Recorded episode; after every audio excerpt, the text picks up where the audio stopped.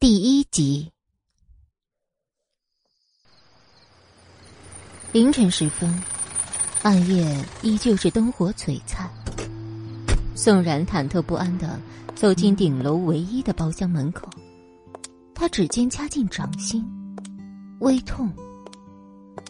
想到那个男人所说的协议，宋然下意识的咬住了自己的嘴唇。将自己卖给一个陌生的男人三年，他宋然真的要沦落到这样的地步吗？可一想到躺在病床上的母亲，宋冉就一阵无力。他真的没有任何办法了。深吸一口气，宋冉直接推开了黑色幽暗的门。下一秒，一只手从里面伸出，直接将宋冉给拉了进去。啊！闭嘴！从宋冉的角度，他只知道眼前的男人很高，最少也有一米九的身高。除此之外，便是他的声音很冷。身上的气息也很淡漠。他悄悄的往旁边挪了挪，他好像看见了门的旁边有灯的开关。只是宋冉的手还没有碰到开关的时候，整个人就被那个男人直接压在了门上。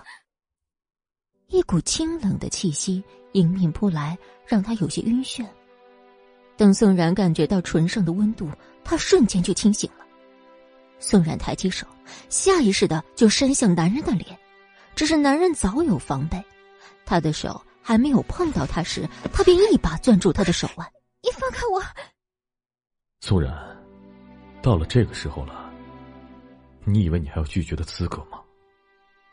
听到男人的声音，他浑身就是一僵，忽然之间，窗边的帘子被风吹开一些。夜色中，宋冉看清楚了男人的脸。莫千行。顷刻之间，房间的灯全部亮了起来。看着眼前的男人，宋冉的眼中全是痛苦和慌乱。对于莫千行，宋冉是熟悉的，只因为这个男人曾陪在他身边五年，只是在五年前车祸之后。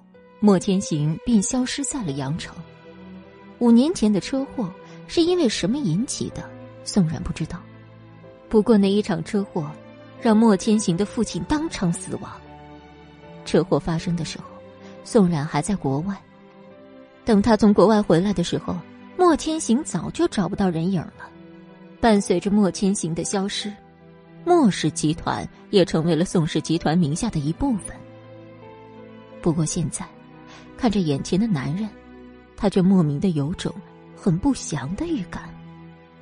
哼，难为林大小姐还记得我。虽然莫千行的语气淡然，可是宋冉却能清晰的听到其中的嘲讽。想也不想，他下意识握住门的把手，看清他的动作，莫千行眼中的嘲讽越发明显。他上前一步，直接捏住宋冉的手腕。手上一用力，他整个人就被他直接甩到了一旁的沙发上。这份文件，你可以签了。男人在房间中央的沙发上坐下，修长的手指拿起一份文件，直接扔到宋冉眼前。听到“文件”两字的时候，他才想起了自己是因为什么来的。想到暮云和自己说的，在看向眼前这个男人的时候，宋冉的脸瞬间就白了。宋冉伸出手，他的手指抖了抖，可还是翻开了眼前的文件。说是文件，其实就是一份卖身契。莫千行，你为什么要这么做？五年前，你为什么突然离开了阳城？现在你又为什么突然回？你没有资格问为什么。不等宋冉说完，莫千行直接打断他的话。男人低垂着眼眸，一眼看去的时候，只能看见他如刀刻般的侧脸。听到宋冉的声音，他冷冷望向他：“你只要决定签，还是不签？”简单的一句话，让宋冉本就没什么血色的脸更加惨白。只是这一幕落在莫千行的眼中，无比快意。当着宋冉的面，莫千行直接拿过自己的手机。暮云，通知医院，停止对宋夫人的用药和。莫千。他的话音刚落，一支银色的钢笔便送到他的眼前。从他的手中接过银色的钢笔，宋冉在最后一页直接签上自己的名字。莫千行，你啊！他刚刚放下手中的钢笔，整个人便被男人给扯到了怀里。撞上去的时候，宋然只觉得生疼，可是莫千行却直接堵住了他的嘴。宋然，这是你该受的，也是你欠我的。恍惚中，宋然好像听到了男人的声音，可是他的声音太轻了，他有点听不清。近身，莫千行直接将宋冉打横抱起，他被压在床上的那一刻，房间的灯也瞬间灭了。黑暗中，人的感官更是清晰。他看不清男人脸上的神情，可是却能清晰的感觉到他的暴力。是的，是暴力。他甚至等不到解开他身上的纽扣，而是直接撕裂他的裙摆。你别这样！听到耳边的声音，宋然忍不住攥住男人胸前的衬衣。虽然五年不见，可男人身上的味道还是他熟悉的味道。可是除了熟悉的味道之外，他所有的一切。都让他觉得无比的陌生。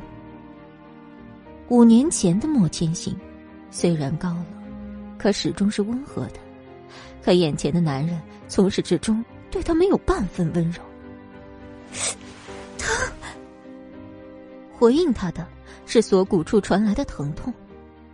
听到他的呼痛声，莫千行的唇吻上他的耳垂，顺着往下，他身上最后一缕衣衫褪尽。除了莫千行，宋冉的身边从来没有出现过其他的男人。可是在一起的那五年，他们之间也是发乎情，止乎礼。那时的宋千行从未跨越那一条线，从未被人碰触过的身子，突然被这般凌辱，宋冉惨叫出声，随即眼角边滚下了一滴眼泪。可是之后再疼，他也没有发出任何的声音。黑暗中，嘴里尝到了咸味。莫千行的眼眸闪了闪，可也只是瞬间便消失了。修长的手指插进他的长发中，他嘴角的冷漠淡了几分，只是宋冉丝毫看不见。本就是深夜黎明，宋冉闭上眼睛的时候，天际微亮。宋冉是被敲门声给吵醒的，睁开眼。刺骨的疼一阵阵的传来，门口的敲门声还在继续。撑起身子，宋冉倒吸一口凉气。他起身的时候，他身上的被子也顺势滑落，入目可见，无不是凌乱的吻痕。苦笑一声，宋冉从地上捡起自己的衣服，可是眼前的衣裙已经破碎不堪了。皱了皱眉，他的视线中出现了一件纯黑的衬衣。伸手，宋冉直接将莫千行的衬衣套上，闻到薰衣草的味道，宋冉的眼眸闪了闪，记忆中的声音不停的响起。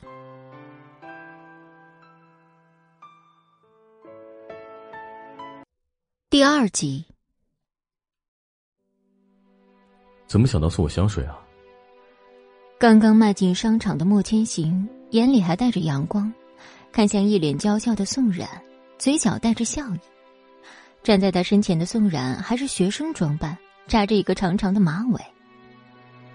听到莫千行的话，他直接摁下香水瓶盖上的按钮。这是薰衣草的香味儿，是我最喜欢的味道。我不管，我喜欢的香味儿一定要留在你身上。一个大男人，身上要什么香味啊？莫千行一边说，一边将香水喷在手腕上。宋小姐，门外的声音直接将宋冉的思绪给拉了回来。他快速的将衬衣纽扣系好。宋冉走到门口，将房门拉开。暮云笔直的站在房门口，还维持着敲门的姿势。看见宋冉，他直接放下手，将手中的袋子递给宋冉。宋小姐，这是给您准备的衣服，麻烦您换好衣服，总裁让我送你回去。除了开门的时候，暮云的视线在宋冉身上淡淡的扫了一眼，随后他的视线始终落在宋冉的脸上。知道了。听到暮云的话，宋冉点了点头，直接关上了房门。皱了皱眉，宋冉直接拿着袋子进了浴室。之前在床上的时候，他还看得不是很清楚，现在看着镜中的自己，宋冉忍不住倒吸一口气。从前胸到后背，他的身上全部都是各种的吻痕和咬痕。若不是清楚的知道自己不久前刚从床上爬起，他都要误以为。自己昨晚是被扔进了刑场，知道暮云就在外面等着，宋然也不敢耽搁太久，快速的洗了个澡，直接换上暮云送来的衣服。袋子里是一条长及脚踝的长裙，正好挡住她身上所有的痕迹，只是裙子的领子却是低领的，这样一来，她脖子处的吻痕全都露了出来。宋然皱了皱眉。直接将挽起的长发解开，将头发散开。宋冉对着镜子仔细观察，虽然隐约还是有一点痕迹，不过不仔细看是发现不了的。拿着包，宋冉直接走出了房门。他看向站在门口的暮云，轻声开口：“我好了，走吧。”宋小姐，请。拿出黑色的卡，暮云在电梯门口刷了一下。等电梯开了，示意宋冉先行。电梯直接停在了地下车库。看见暮云拉开后座的车门时，宋冉准备直接上去，可是看见闭目养神的男人，他瞬间就僵住了，脚下的步伐怎么也迈不开。或许是听到了声音，莫千行睁开眼睛，看着站在车门边的宋冉，还愣着做什么？还不上来？宋冉死死攥住身侧的裙摆，抬脚上了车。宋冉低头的时候，莫千行清楚的看见他脖子上的痕迹，眼眸暗了几分，他重新闭上了眼睛。车子快要离开市区的时候，宋冉才看向了开车的暮云。这不是去我家的路，我们这是去哪儿？听到宋冉的声音，暮云从后视镜扫了一眼莫千行，没有出声。顺着他的视线，宋冉看向身边的男人：“你要带我去哪儿？”到了，你自然知道。说完这句话，莫千行便没有再出声了。车子停下来的时候，宋冉的眼中全是复杂。这是莫家的别墅，这个地方他已经五年没有来过了。千行，你回来。宋冉刚刚下车，就看见一个女人直接抱住了莫千行的胳膊。哼，冤家路窄啊！看清楚那女人的脸，这是宋冉唯一的感觉。他看见林雨柔的时候，林雨柔也看见他。呀，这不是宋大小姐吗？挽着莫千行的胳膊，林雨柔一步一步走向宋冉。林小姐，你。宋冉话还没说完，脸上就狠狠挨了一巴掌。他怎么也没想到，林雨柔竟然会直接对他动手。他伸手捂着自己的脸，宋冉的眼神冷了下来。抬起头，林雨柔的手已经被一旁的男人直接捏住。做什么？虽然莫千行的眼神很冷，可是说出的话并没有什么责问的意思。听到莫千行的话。林雨柔直接开口：“千行，像她这样恶毒的女人，你把她带来做什么？恶毒的女人，是她吗？”宋冉下意识的看向莫千行，只是对上他没有丝毫温度的眼神，他感觉自己的心传来一阵刺痛。瞧见宋冉脸上的指印，莫千行的眼中闪过一丝复杂。他甩开林雨柔的手，冷声说道：“我的事情不需要你过问。”暮云，送林小姐回去。始终站在一旁的慕云听到莫千行的声音，直接走到林雨柔的身旁。林小姐，我送你回去。林雨柔还想说什么，只是看见莫千行难看的脸色，她什么也没有说。从宋冉身边经过时，她眼中的得意毫不掩饰。看着林雨荣从自己面前走过，宋冉直接迈开了步伐。只是他刚刚走到门口的时候，身后就传来了宋千行没有半点温度的声音：“宋冉，你给我站住！”听到身后的声音，宋冉的脚步顿了顿。可几秒之后，他还是迈开了步伐。昨天刚签的合同，难道你忘记了？宋冉被一股大力扯到怀里，他的耳边传来莫千行的声音。想到昨天签的合同，宋然的脸瞬间就白了。他抬起头看向眼前的男人：“莫千行，如果你想羞辱报复我，你已经做到了。现在。”放我走！羞辱，报复。莫千行冷笑一声，不但没有松开宋冉的手，反倒是直接将他打横抱起进了别墅。他直接就将宋冉压在客厅的沙发上。宋冉，你说的没有错，我确实是在报复你。不过你现在受到的这些，跟我遭受的比起来，根本不值一提。说话的时候，他的手直接扯开了他身上的衣领。看见他的动作，宋冉的眼中就是一凉。随后，他不停的开始挣扎，感受到他的抗拒，莫千行眼中的神情更是冷了几分。他一手摁住他的肩膀，一手拿起桌上的手机。是医院吗？莫先生，你有什么吩咐？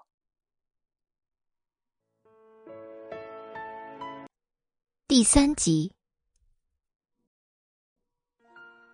听到市医院的时候，宋冉就清楚的知道，眼前这个男人想做什么。他不可置信的看着眼前的男人，宋冉整个人都在颤抖。松开抓着他衣领的手，他直接闭上了眼睛。身上的男人将手机直接扔到一旁，轻声附上了他的唇。宋冉。你有什么资格拒绝？宋冉的睫毛颤了颤，还是没有睁开眼睛。本以为这样就够了，没想到莫千行却直接从他身上翻身下来，坐到了一旁，开口道：“想保住你母亲的命，自己脱。”忽的，宋冉直接睁开了眼睛。若不是那张脸还是一样的，他几乎不敢相信，眼前这个男人会是他记忆中的那个男人。三分钟，宋然。我的耐心有限。不知道什么时候，原本被莫千行扔到一旁的手机又在他手中把玩。从沙发上坐起，宋冉直接摸向身后的拉链，裙子滑到脚底的时候，他忍不住伸手抱住自己。继续。宋冉死死攥住自己的手心，他瞪大了一双眼睛看向莫千行。从他的角度，他看不清他眼神中的神情，唯一能感受到的就是冰冷。咬了咬唇，宋冉继续伸手，松开手，他的身上未着寸缕。他松开手的时候，莫千行直接搂住他的腰。昨天晚上的时候，宋冉就觉得很不舒服，只是一直强撑着一口气罢了。晕过去之前。他好像看见了莫千行担忧的神情。宋然看着满脸苍白的宋然，莫千行忍不住抱住了他。可是不管他怎么叫，怀里的人都没有丝毫的反应。捡起地上的外套，他直接裹住了他，抱着宋冉就离开了别墅。十一月。医生给宋冉检查的时候，莫千行一直安静的站在一旁。一眼看去的时候，躺在床上的人仿佛是一个易碎的瓷娃娃。莫先生，宋小姐的身体没有什么事情，只是疲劳过度。不过，像是想到什么，医生的眼中全是为难的神情。听到他的话，莫千行冷冷的望向他。不过什么？宋小姐下体撕裂严重，近期内不适宜再同房了。说完这句话，医生默默的往后退了两步。过了许久之后，才听到男人的声音：“出去。”整个病房只剩下莫千行和宋冉的时候，他直接在床边的沙发上坐下，看着双目紧闭的宋冉，他眼中全是复杂。宋冉醒来的时候，忍不住皱了皱眉，太疼了。宋小姐，你还不能起来。看见宋冉准备起身，一旁的护士连忙开口扶住了他的手臂。听到护士的话，宋冉才看见自己手背上的针管。我怎么了？护士将宋冉的情况简单的说了一遍。宋小姐，你这几天必须要好好休养。知道自己的情况，宋冉的眼中全是冷意。当着护士的面，他直接一把扯掉了手背上的针管，瞬间鲜血回流。看见这一幕，护士的眼中全是慌乱。啊，宋小姐，你还不能起来！你真是你让开！一把推开扶住自己的护士，宋冉直接掀开身上的被子。那护士都想哭了，他不敢强行去拉宋冉，可是想到上面对他的叮嘱，他也不敢眼睁睁看着他就这样走了。正无助的时候，听到门口传来一道声音：“你在干什么？”莫千行还没走到门口的时候，就听到宋冉病房里有声音。他走进病房时，第一眼看见的就是宋冉手背上的血红。看见莫千行的时候，宋冉愣了愣，可还是继续穿鞋。不过他刚刚站起身，莫千行就直接将他按住。宋冉，你以为你还是宋氏集团的大小姐吗？莫千行，你到底还想怎么样？在莫千行出现的时候。一旁的护士早就已经离开了，所以现在整个病房只剩下莫千行和宋冉。莫千行并没有回答他的问题，而是松开他在床边的沙发上坐下。这是市医院，宋冉，你要是再闹，我立刻就让人停了你母亲的药。你，宋冉知道，他说的是真的。因为他现在还欠着医院的巨额费用，如果莫千行说一句话，医院真的会停了他母亲的药。想到他的母亲，宋冉默默的坐回病床上，看见宋冉的动作，莫千行的神情好看了一些。我给你两天的时间，两天后，我让人接你回别墅。所以这两天，你最好是给我安分一点。不用想，宋然也知道，他说的别墅。指的是莫家的别墅。莫千行，我答应你的事，我已经做到了。那么，你答应我的呢？我母亲的医药费，你……我自然会说话算话。不等宋冉的话说完，莫千行直接打断他的话，他伸手直接捏住他的下巴，看着他的眼睛说：“你母亲的医药费，我已经付了三个月。”只是三个月之后的医药费，我要不要续上，就要看你的表现了。宋然，你最好是乖乖听话，不然难过的还是你自己。说完这句话，莫千行直接离开了宋冉的病房。看着他离开的背影，宋冉死死咬住自己的嘴唇，才没有让自己哭出声。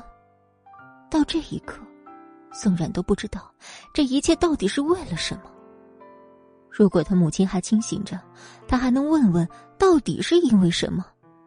不过五年的时间，为什么莫千玺会突然变成这个样子，变得这么冷酷无情？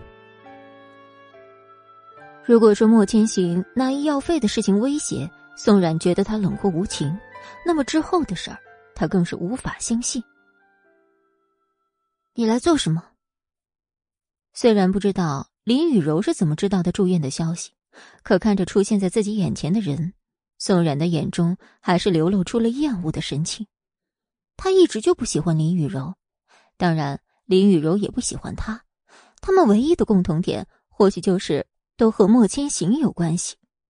林雨柔喜欢莫千行，在整个阳城都不是什么秘密。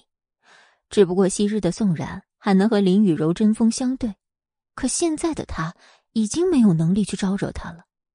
就是因为清楚的知道这个事实，所以那一巴掌他只能生生的受了。看见漠然眼中的厌恶，林雨柔也丝毫不在意，她只是笑着坐在他对面的沙发上，看了看自己手上精美的指甲，她才笑着看向宋冉，开口道。我来，可是特意来告诉你一个好消息的。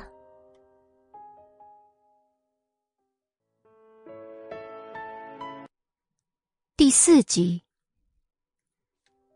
不好意思，我并不想知道。宋冉宁愿相信太阳从西边出来，也不会相信林雨柔会对他有什么好心。他想也不想，直接拒绝。只是林雨柔像是根本没听到他的话，直接开口说：“宋氏集团已经宣告破产了，此时银行的人就在宋氏清点债务。宋然，你就不想知道买下宋氏集团的人是谁吗？要知道，从此以后，阳城可就再也没有宋氏集团了。你，你说什么？”不可能，他和莫千行之间的协议明明就有他要保住宋氏集团这一条。林雨柔，你以为我会相信你说的话吗？哼，信不信的随你，反正消息我是送到了。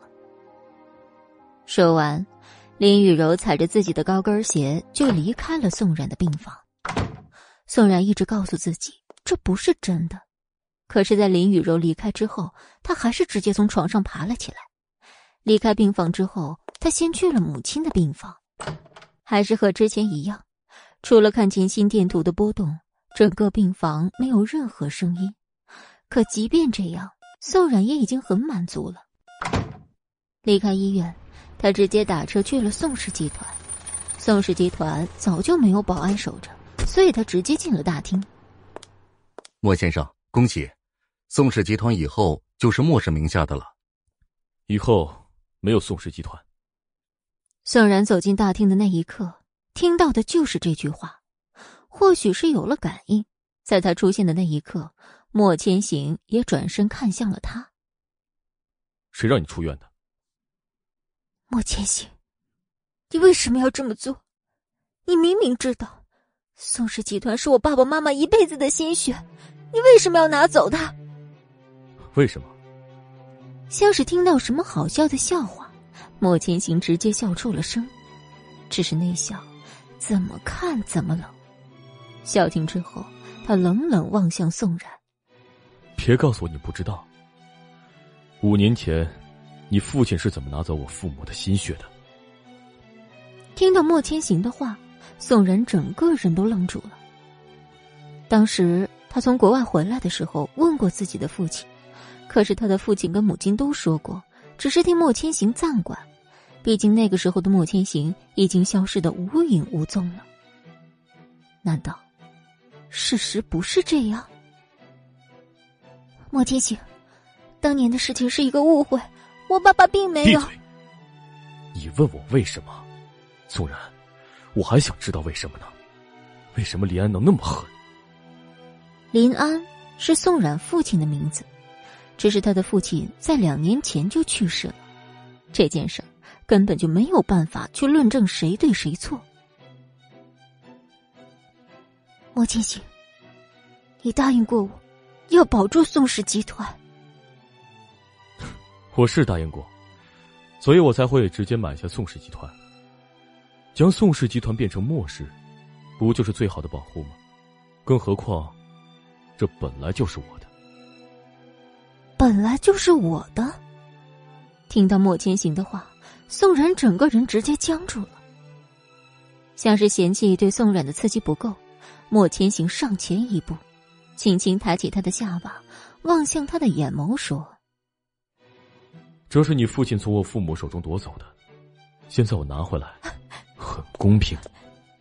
既然这样。”那我们就两不相欠了。莫千行，以后我们就是陌生人。说完，宋冉直接挥开了莫千行放在自己下巴上的手，只是他刚刚迈开步伐，手腕就被人直接扣住。转身，他不解的看向身后的男人：“你还想做什么？”宋冉，你怎么能说出两不相欠的话？我告诉你，你欠我的，这辈子都还不清。说着，他直接搂着他的腰往外走，快要走到电梯的时候，墨染才想起了睁开手。你，莫千行，你放我离开！你想要报复我，你也做到了；你想拿走宋氏集团，你也得到了。你还想要怎么样？看着被宋冉睁开的双手，莫千行的眼中闪过一丝复杂。他想做什么？他想要眼前这个人永远留在他的身边。上前一步，莫千行直接攥住宋冉的手腕，将他拉进了电梯。电梯的门刚刚合上，他便将他压在了身后的墙上。电梯的墙壁都是冰冷的金属，身后是冰冷的碰触，而眼前是男人炙热的胸膛。一时之间，宋然。有冰火两重天的感觉。莫千行的双手撑在宋然两侧，低眸望着他。你想离开啊？那你母亲那巨额的医药费，你想怎么办？一句话就让宋冉白了脸。此时此刻，他只想离眼前这个男人远远的。可是他的母亲，医生说一定要尽快手术。可是那样一笔天文数字的手术费，他要去哪里抽呢？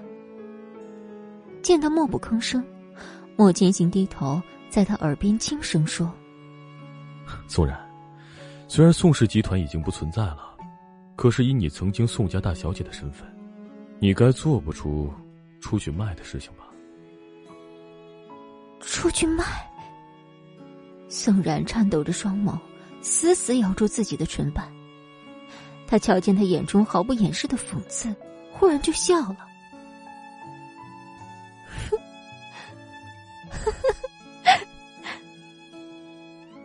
其实也没什么不能的，毕竟我现在不也是在卖吗？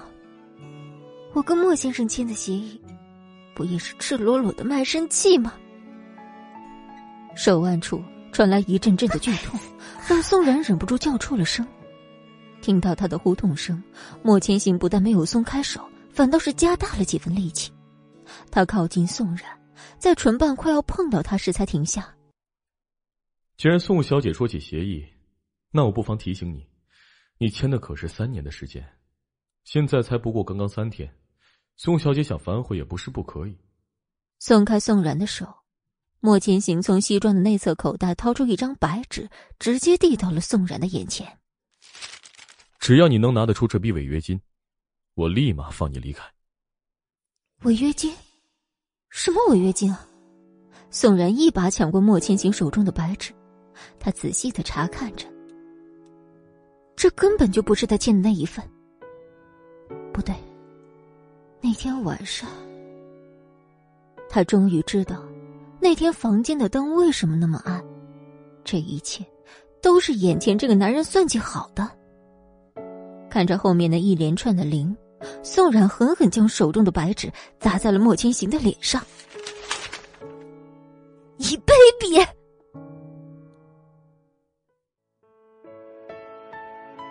第五集，白纸从莫千行的脸上划过的时候。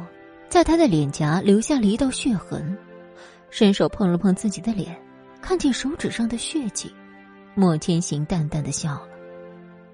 说到 baby，，我做的这些跟你父亲比起来，简直不值一提吧。说完，莫千行直接吻上了宋冉的唇，不管宋冉怎么躲，莫千行都能精准的捕捉到他的唇。心一狠，宋冉直接咬了下去。莫千行吃痛，皱了皱眉，直接松开了墨染。他一手紧紧攥住墨染的手腕，一手擦了擦自己的嘴角，看清楚手指的鲜红，宋千行忽的就笑了。只是这一次，他的笑意满是寒意。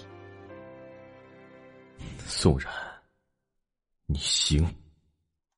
他低声在他耳边喊道：“莫千行直接按住宋冉的肩膀，在他吻上宋冉的那一刻，他清楚的尝到了铁锈的咸味儿，顺着唇瓣往下，他直接咬上了宋冉的锁骨。你放开我！宋冉的衣领已经被莫千行扯到肩膀的位置，眼看着电梯就要到一楼，他的眼中全是惊恐。听到他的声音，莫千行不但没有松手，反倒是直接将手伸到了他的裙摆中。电梯一层层的往下，宋冉的心都要跳到嗓子眼儿了。千行，你是不是疯？眼前一黑，宋冉直接晕倒在莫千行的怀中。莫千行伸手抱住怀中的人，直接将西装外套裹在他的身上。莫千行抱着宋冉从电梯出来的时候，慕云立马迎了上来。总裁，所有的事情都已经处理好了，你现在要见见宋氏的人吗？下次。冷冷扔下两个字，莫千行直接抱着宋冉上了车。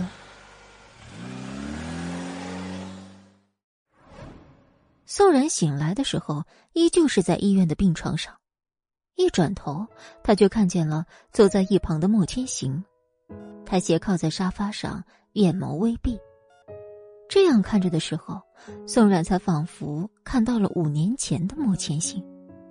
只是很快，男人便睁开了眼睛，对上他眼中的冷意，他瞬间就明白，眼前的莫千行不是他记忆中的那个人。醒了？还有哪里不舒服吗？听到他的声音，莫然只是一直望着他，什么话也不说。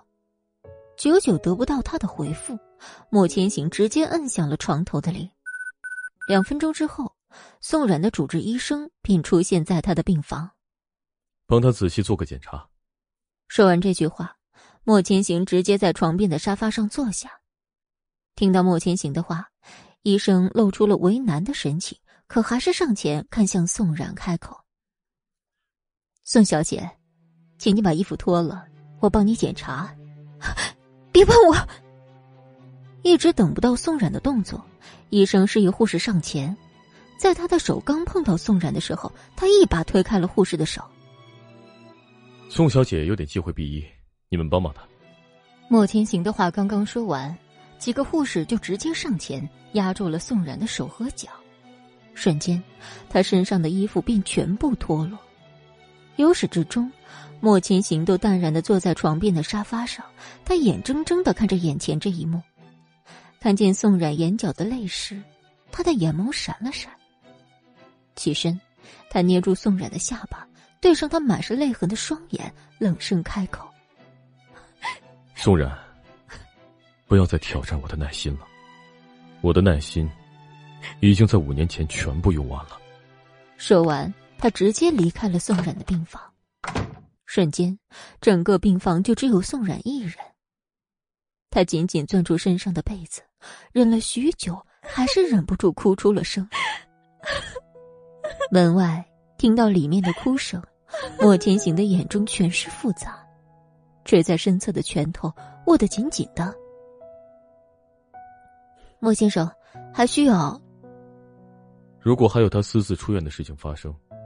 你们这家医院也没有存在的必要了。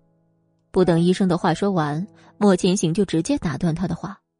说完这句话，他大步离开了医院。有了莫千行的这句话，宋冉的病房一天二十四小时都有人守着。宋小姐，请你把饭吃了吧。看着躺在床上一动不动的宋冉，说话的护士满眼为难，上面嘱咐他。好好照顾宋冉，可是已经两天了，他几乎是不吃不喝。对于这样的人，护士也很无奈。宋冉不吃不喝，他也不能强行塞进他嘴里。悠悠叹了一口气，护士直接离开了病房。还是没吃吗？护士刚出门，宋冉的主治医生就站在门口问。小护士摇摇头，什么也没有说。主治医生皱了皱眉，直接掏出了自己的手机。与此同时，末世安静的会议室突然传来一阵手机铃声。开会的时候手机静音，这是末世的强令规定。所以，暮云的手机响起时，就连莫千行也满眼冷意的看向他。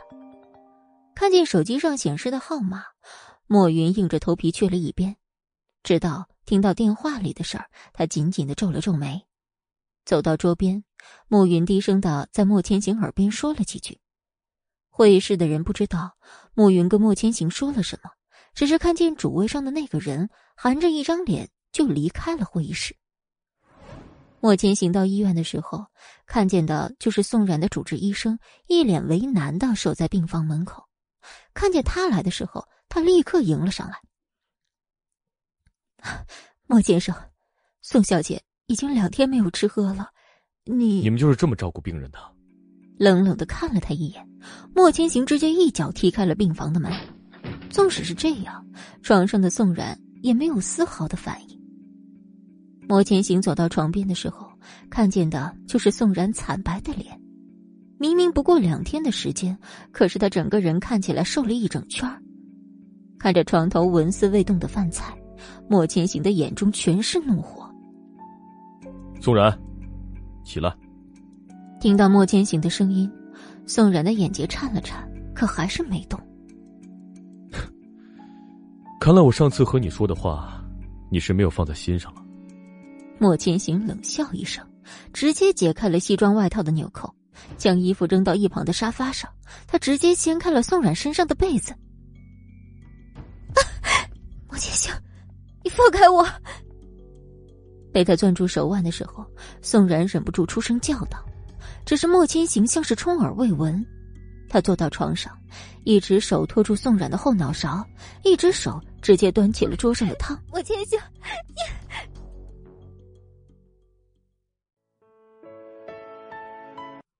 第六集，不管宋然怎么挣扎，那一碗汤都直接灌进他的嘴里。只是因为他的动作，他的身上和脖子处全是汤水。一时之间，宋然整个人都狼狈不堪。医生和护士看着眼前这一幕，全都愣住了。莫千行松开手的时候，宋冉趴在床上不停的咳嗽，咳到最后眼泪都出来了。宋冉咳嗽的时候，莫千行就安静的站在床边看着他，等他不咳了。他才淡淡的看向床上的人。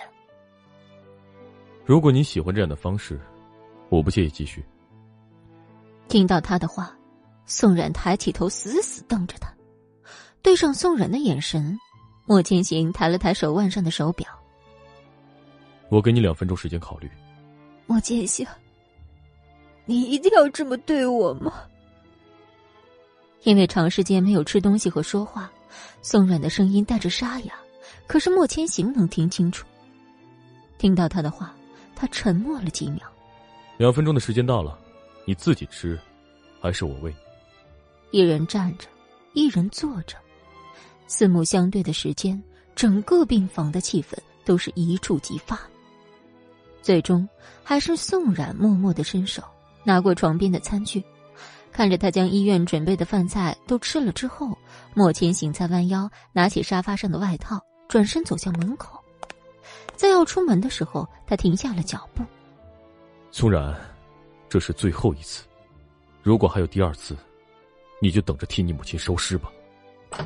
看着男人离开的背影，宋冉气得整个人都在发抖。宋小姐，你好好休息，有什么事情可以。病房的门合上的时候，宋冉直接从床上翻身爬起。他将病房的门反锁，直接跑到了洗手间。他推开窗，看着深不见底的地面，他的脸白了白，咬咬牙，宋冉直接爬上了洗手台。刚刚翻出窗外，宋冉就一阵晕眩。他死死的攥着空调的护栏，深深的吸了一口气。快要到楼下窗户的时候，他脚下一滑，整个人直接往下坠。如果不是宋冉抓住窗边的护栏，此时的他就要从二十四楼坠下了。可是宋冉的脸也瞬间白了，咬了咬唇，宋冉试着去推窗户的玻璃，可是不管他怎么用力，窗户都推不开。宋然苦笑一声，正想着往下降的时候，窗户伸出一只手拽住了他的手腕。小姐，你这个爱好有点特别啊。看着宋冉悬空攀住窗户的护栏时，齐军的眼中闪过一丝惊讶，可是很快他便露出笑容。虽然他的手紧紧拽住他的手腕，可却没有任何要拉他上去的意思。齐军看向宋冉的时候，宋冉也望向了他。一直以来，宋冉觉得莫千行的五官算是很精致的那种，可是和眼前这个男人比起来，还是失色了几分。男人明明有着一张让人惊艳的脸，可嘴角那一缕痞气至极的笑，却破坏了整体美感。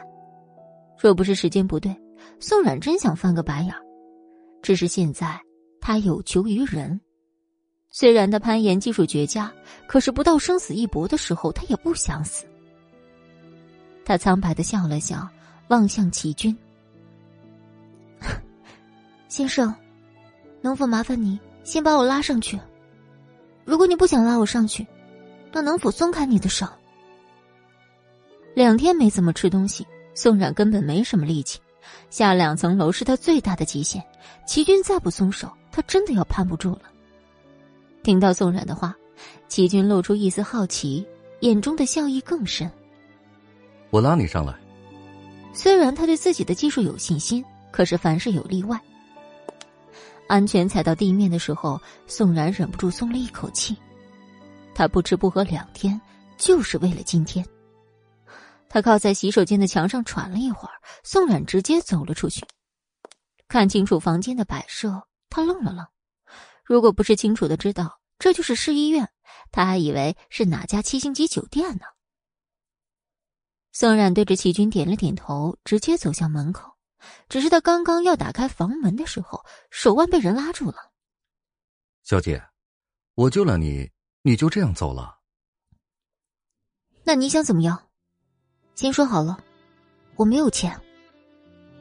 宋冉现在已经什么都没有了，所以报酬什么的实在是超出了他的能力范围之外。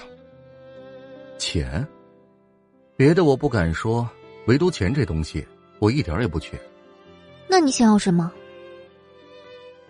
他将宋冉从头到尾打量了一遍，轻声开口：“我想知道你的名字。”宋冉。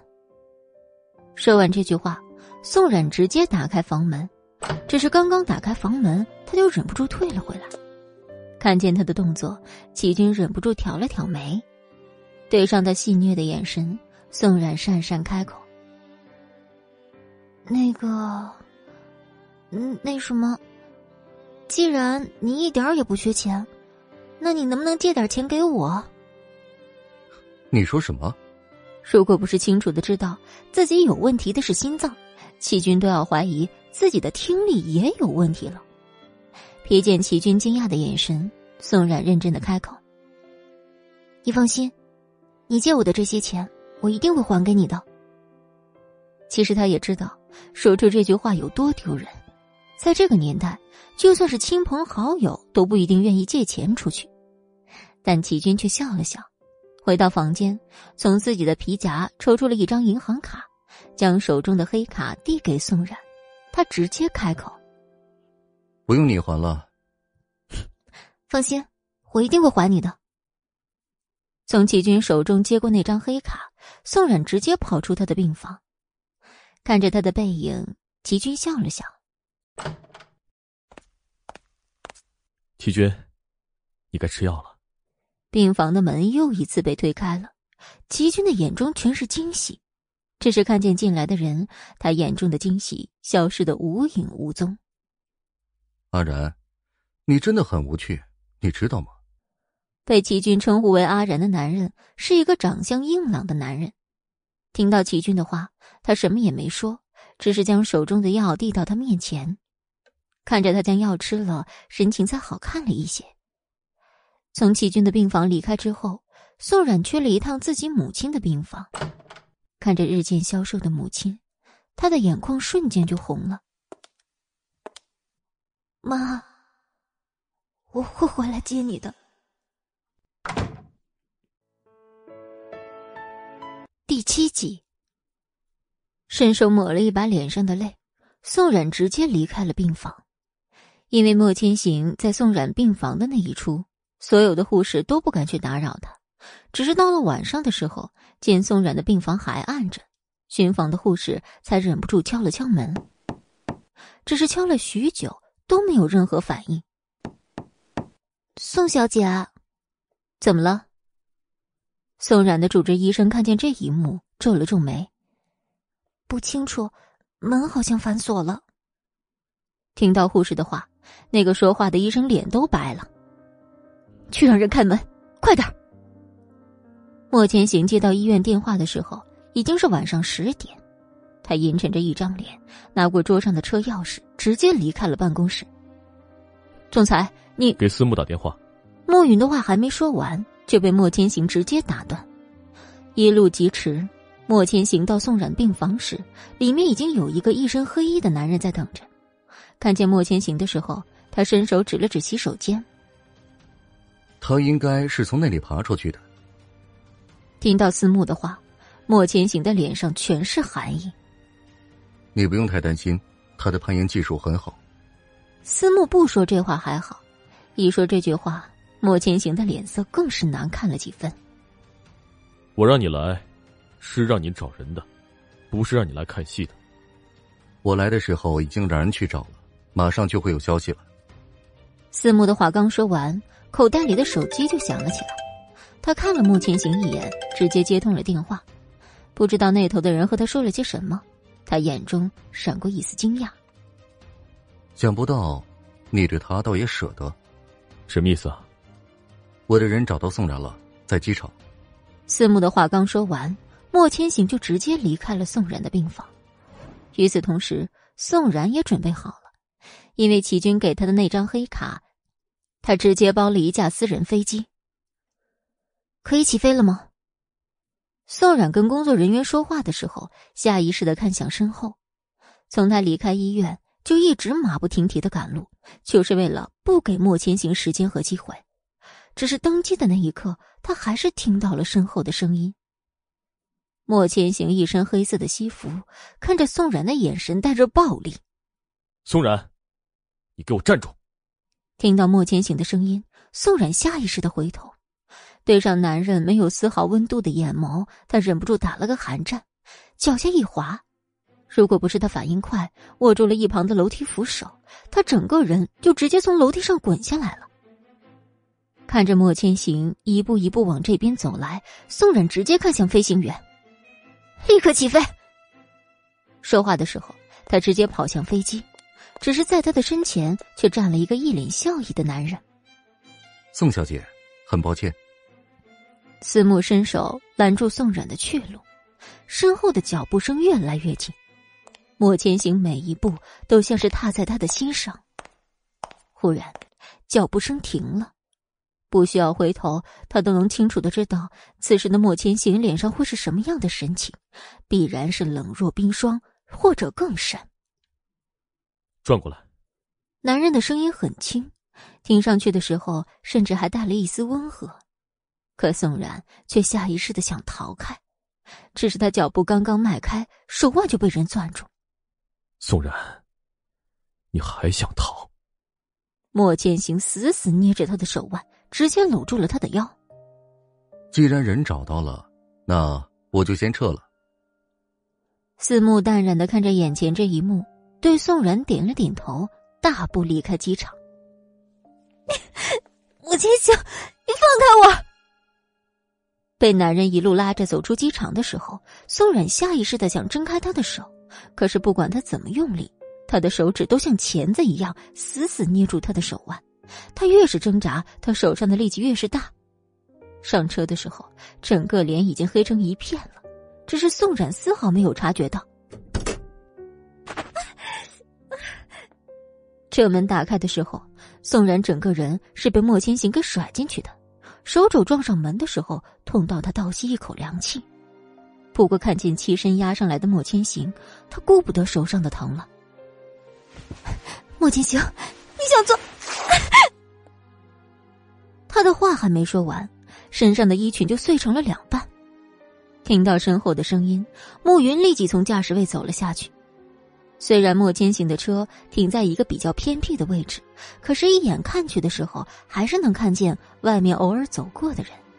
尤其是刚刚暮云关上车门的声音，让宋冉浑身的血液都骤停了。你放开我，莫千行，你放开我！宋冉，这是你自找的。他记得之前医生的叮嘱，所以才将宋冉安排在医院。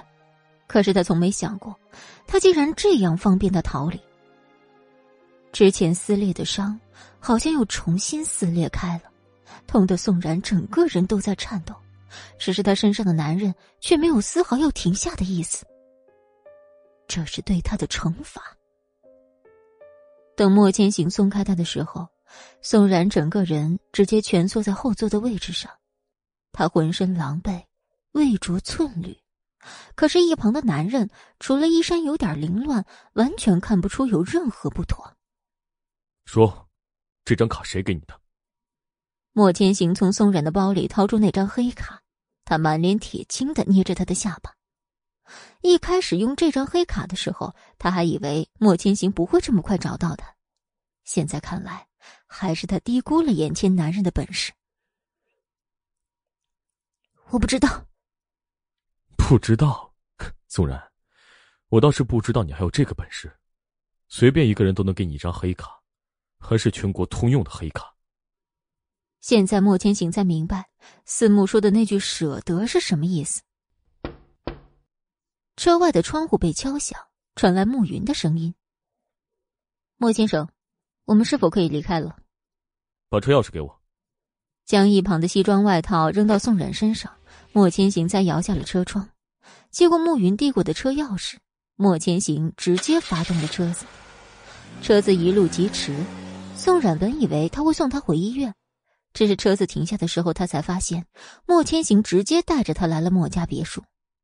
很快，车门就被直接拉开。下来。第八集，看见宋冉惨白的脸色。莫千行的眼眸闪了闪，可瞬间便恢复了正常。宋然苦笑一声，攥紧身上的外套，只是刚刚迈开腿，宋然便倒吸了一口凉气。宋然，老老实实待在这里，不然你一定会后悔的。刚刚走进客厅，耳边就传来莫千行没有任何温度的声音。别墅还是记忆中熟悉的样子，只是宋冉从来没想过。有一天，这个地方竟然会成为圈禁他的牢笼。莫千行，你想做的都已经做了，该拿走的你也拿走了，你还想要做什么？我想做什么，宋然，你该比任何人都清楚。他不清楚，只是看着满眼戾气的莫千行，他没有出声。既然你不想好好待在医院。那晚上，陪我去参加一个宴会。莫千行不是询问的语气，而是通知的态度，所以宋冉没有任何说不的权利。走进别墅的主卧，宋冉第一件事儿就是将自己埋进浴缸。他用力的握住浴缸的边缘，宋冉才没有让自己喊出声来。从上到下，他身上没有一处完好的皮肤，全是吻痕和撕咬的痕迹。碰到水的时候，痛得宋冉一个激灵。等他从浴室出来时，床上已经放好了一件礼服。宋然只是淡淡的扫了一眼，就直接换上。也不知道是不是莫千行故意安排好的，穿上之后，他才发现这件礼服正好挡住了他身上所有的痕迹。宋冉刚刚换好衣服，卧室的门被直接从外面推开了。莫千行将他从头到尾打量一遍。既然好了。就走吧。坐在车上的时候，宋冉觉得不舒服。他踩着高跟鞋一步一步走动的时候更是难受。偏偏莫千行步伐极大，他必须一路小跑才能跟上他的步伐。脚下一歪，宋冉整个人直接倒向一旁。莫千行和他有一段距离，宋冉都已经做好了摔倒的准备，只是预料中的疼痛并没有到来。我们又见面了。齐军揽着宋冉的腰，将她扶稳，脸上带着一贯的笑容。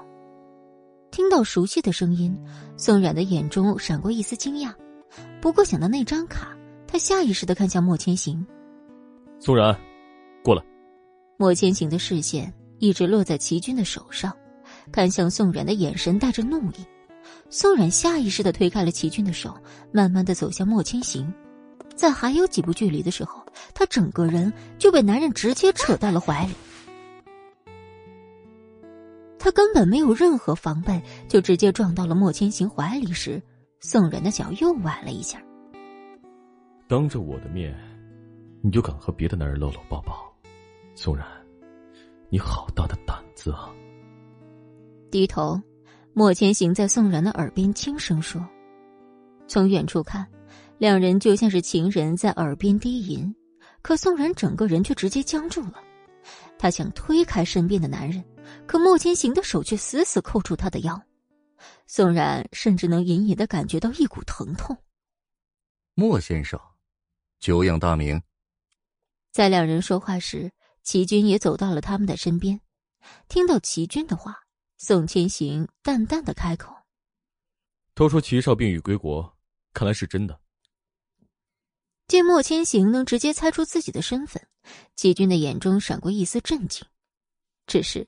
他面上不显，将视线移开到宋冉的脸上，笑着看向莫千行。不知莫先生和冉冉是？腰上传来一阵剧痛，宋冉不用看都知道，一定已经轻了。莫千行没有回答齐军的问题，而是直接将宋冉整个人搂紧在怀里。齐先生觉得我们是什么关系啊？看着相拥的两人，齐军脸上的笑容淡了几分。只是想到自己让阿然查的事儿，他眼中的笑容又恢复了正常。齐少自便，扔下这四个字，莫千行就直接带着宋冉离开了。只是刚刚走出休息区，他就攥住他的手腕，因为宋冉坐在里面的位置，外面的人看不清两人动作。冉冉，叫得如此亲热，宋然，不如你告诉我，你和齐军是怎么勾搭上的？那张卡，是不是他给你的？是，那张卡，确实是他给的。只是不管你信不信，我并不认识他。不认识，宋然，你觉得我该信吗？你若不信，我也没有办法。反正你莫先生。宋冉正说话的时候，看见一个中年男人走到这边。听到他的声音，莫千行直接松开他的手，嘴角露出了淡淡的笑容。王董，莫先生，不知能否和你谈谈我们说的那个合同？在莫千行和那个王董离开之后，宋冉才满眼疲惫的倒在了沙发上。你找我要钱，是不是就是为了离开他？听到齐军的声音，宋冉直接睁开了眼。那张卡我会找机会还你的，那些钱我以后也会还你的。只是，你不要离我太近了。对于莫千行，宋然比任何人都清楚，齐军若是离他太近，那么最后倒霉的一定是齐军。如果你想离开他，我可以帮。不必了。不等齐军的话说完，宋冉直接打断他的话，扔下这几个字，他直接离开了宴会现场。因为他已经明显的感觉到自己撑不住了。原本宋冉还想和莫千行说一声，只是找了一圈，他都没看见那个男人。莫千行回到休息区时，第一反应就是找宋冉，只是看了一圈也没有看见人，同时不见的还有齐军。不知想到什么，他直接掏出自己的手机，立刻将宋冉的母亲给我送走，现在，立刻。对于这一切。宋冉丝毫不知道。从出租车上下来的时候，他差点没站稳，一旁伸出一只手，直接扶住他。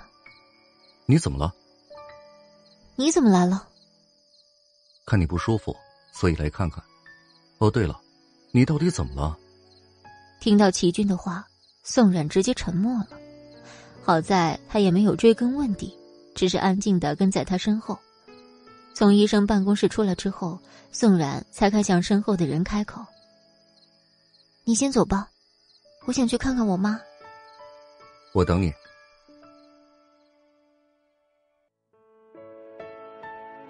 第九集，无奈，宋冉只好带着齐军走向了自己母亲的病房。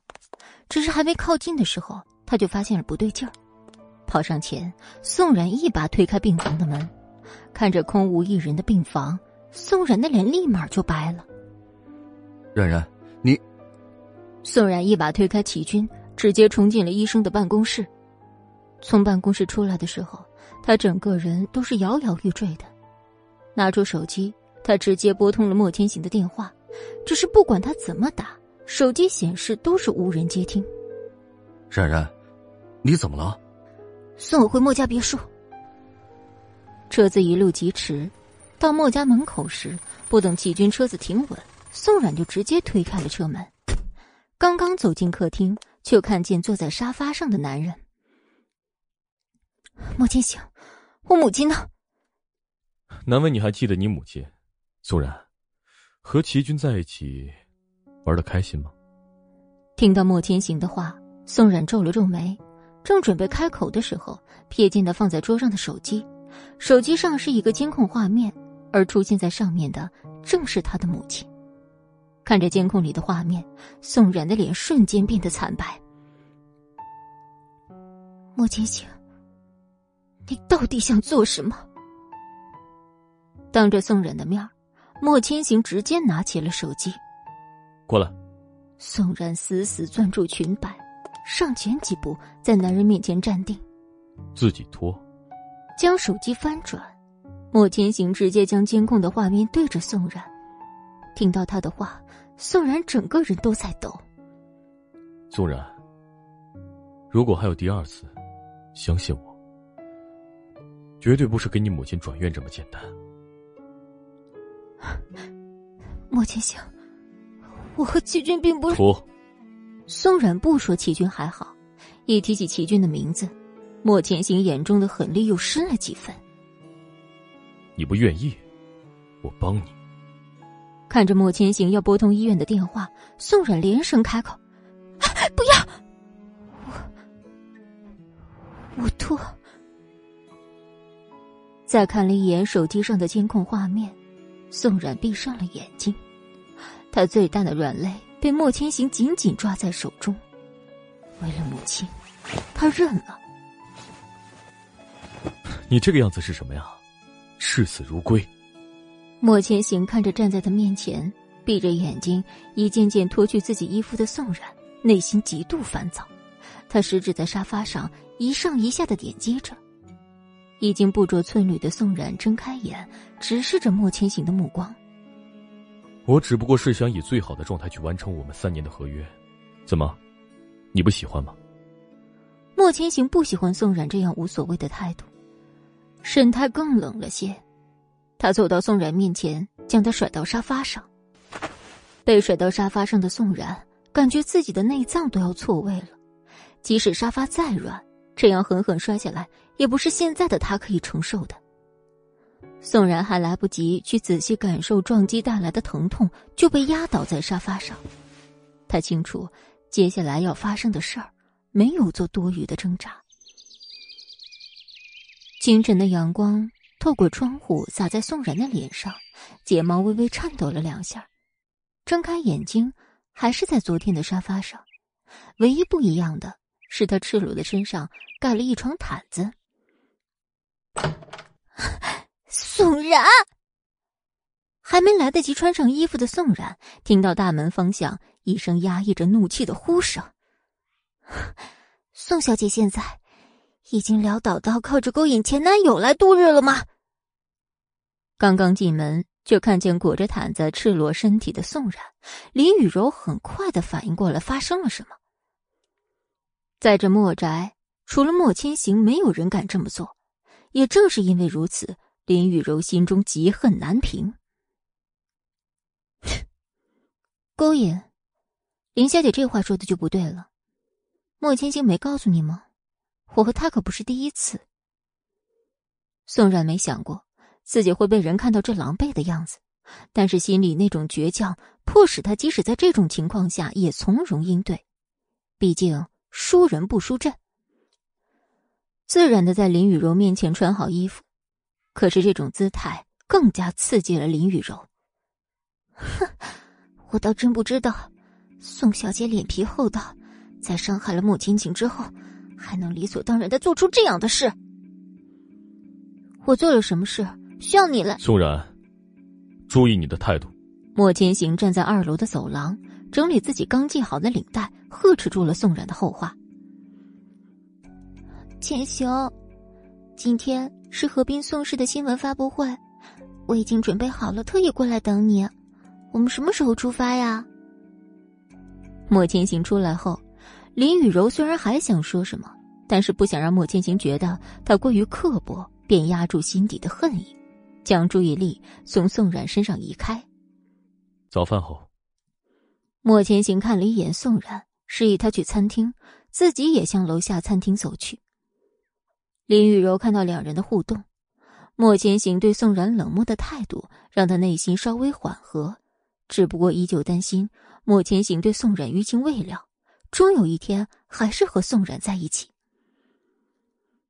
千行，如今宋氏的结局已经尘埃落定，我在你身边这四年，我的感情，我想你已经很清楚了。你也答应过我，宋氏病入末世的时候，你会娶我。林雨柔简单的吃过一点后，为了解除隐患。直接向莫千行提起了婚事。莫千行沉默了一会儿。今天的发布会，我会宣布订婚。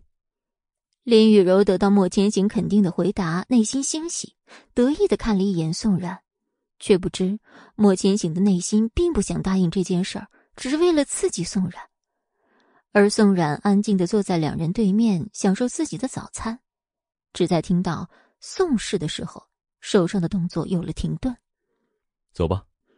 结束了早饭，莫千行和林雨柔出发前往新闻发布会。宋冉在阳台边上看着两人的背影，想到他们订婚的事儿，笑了一下。经过这些天，他清楚的知道，莫千行已经不是四年前那个冷漠却温和的人。这些天发生的事儿，也折磨着他的身体和内心。他不会再把莫千行当做四年前的那个他了。一阵冷风吹来，宋然感觉到冷意，他拢了拢身上的衣服，转身下楼，目光落在了沙发上的女士皮包，他只看了一眼，便扯唇移开了目光。下一瞬，电话响起，上面赫然是莫千行的电话，他皱了皱眉，还是摁下了接听键。雨柔的包也在沙发上没拿，你给送一下。宋然咬了咬自己的唇。他想反驳，不想去给那个女人送包，那边电话却传来轻呼的女声：“啊，金行，那个包里有我好重要的东西呢，能不能快一点送过来啊？”男人似乎是皱了皱眉，冷声催促：“赶紧送来，家里没有司机，让他送你过来。”第十集，还不待宋冉说什么。那边电话已经挂上，只剩下电话里的嘟嘟声。宋冉目光又落在那个奢侈品女包上，自嘲一笑。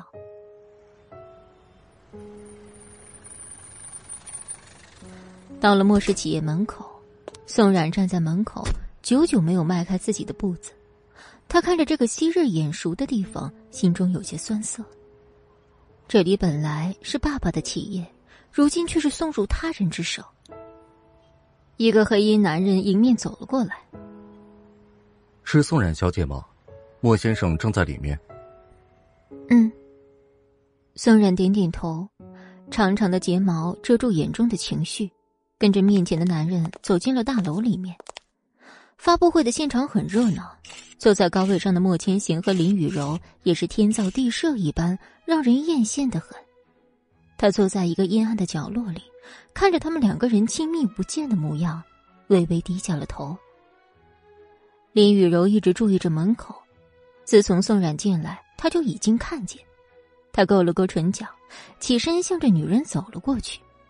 众人的眼神一瞬间也跟随他的动作一同移向了坐在角落里的女人。宋冉，你来啦！宋冉突然间被人喊了名字，有些茫然，随即看到眼前的林雨柔时，才回过神来，带上无懈可击的笑容，面对着林雨柔眼底不曾掩饰的不怀好意：“这是你的包，没什么事儿，我就先走了。”在这儿。宋然只觉得自己的心里一阵一阵的劳累，妈妈的病还没好起来，他一点也没有想和林雨柔斗智斗勇的心思，只想赶紧还了班回去休息。但是很明显，他的这种隐忍落在林雨柔的眼中却是另外一种示弱的情况。他笑眯眯的拉着她的手腕，好像两人是什么好姐妹一样。宋冉是知道了我和千行的婚事。特意来祝福我们两个人的吧。他话音落下，整个发布会现场皆是静默一瞬。在这儿，宋冉跟莫千行的事儿，没有一个人不知道，只是谁也不敢问出来。如今有人问出来，自然是要吃瓜的。就连那个高位的男人都在看着宋冉，目光灼灼，似乎是想要看他怎么回应。宋然感受到身边女人长长的指甲都快嵌入他的掌心里，他皱了皱眉，看了一眼周围的众人，哼，他们想要什么样的回答？他不经意的甩开了林雨柔拉着他的手，林雨柔的美甲断裂，他的脸色瞬间变了变，只是一瞬间就被他掩盖了下去。如果你们两人要结婚，那我就祝福你们。这样可以了吗？如果没有其他的事儿，我现在就走了。他一副淡然到了极致的模样。莫千行看着女人淡然的样子，心中怒火渐起。他怎么能够这般不在意的样子说出祝福的话语？林雨柔反倒是看着男子脸上的怒火，心下暗自得意。这女人已经把话说到这个地步。他就不信，他们两人还能够死灰复燃在一起。既然如此，到时候我们一定会给你发请帖的，你可一定要来呀！毕竟你曾经跟千行的关系还是挺好的。他故意把“曾经”二字咬得很重，似乎是想强调什么一样。宋冉原本要迈出的步子却是停顿了一下，看着女人脸上的笑容。他怎么就觉得这么刺眼呢？那天我自然会来的，毕竟什么样的人配什么样的货色，你说是吧？哦，林雨柔，用我剩下的东西，你就这么高兴啊？众人互看了一眼，这个女人还真是什么话都敢说呀。林雨柔的脸色已是青一阵白一阵，她还没来得及反应。莫千行已经快步走了过来，脸上的表情很是不好看。他径直拉着宋然的手，大步离开了门外。宋然只觉得自己手腕一阵阵的剧痛，他还没来得及说什么，整个人就已经被男人塞进车子里。司机还没反应过来，男子已经轻吼了一声：“滚出去！”伴随着司机关门出去的声音，男人的声音也冷然到了极致。如果细细听的话，可以听出其中有他刻意隐藏的紧张。你在吃醋，宋然？没有，莫总可能是想的太多了。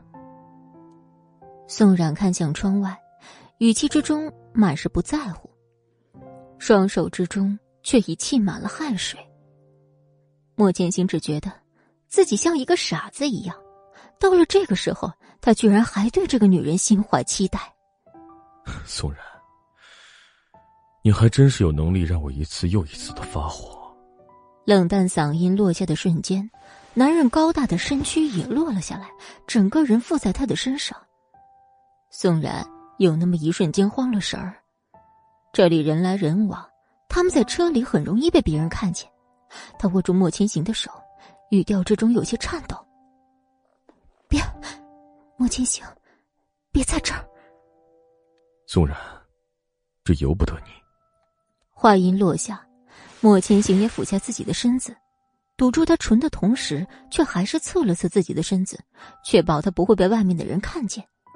宋冉还想要挣扎的时候，男人低沉的嗓音在他耳边响起：“宋冉，这是你欠我的。”宋冉并没有反应过来，他欠他什么？他们之间究竟发生了什么事儿？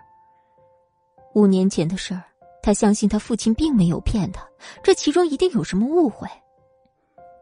只是宋然还没想明白，整个人便已然晕了过去。宋冉再度恢复意识的时候，天色已经暗沉下来。他想要叫佣人，却发现自己的嗓子哑了，发不出声音。他皱了皱眉头，想起床去楼下喝水。只是他刚刚走到楼梯口，就看见一楼的沙发上，林雨柔和莫千行两人相依偎的坐在一起。女人整个人都像是挂在男人身上一样。千行，你明天有空吗？商场有一个新出的包，我想去看一看。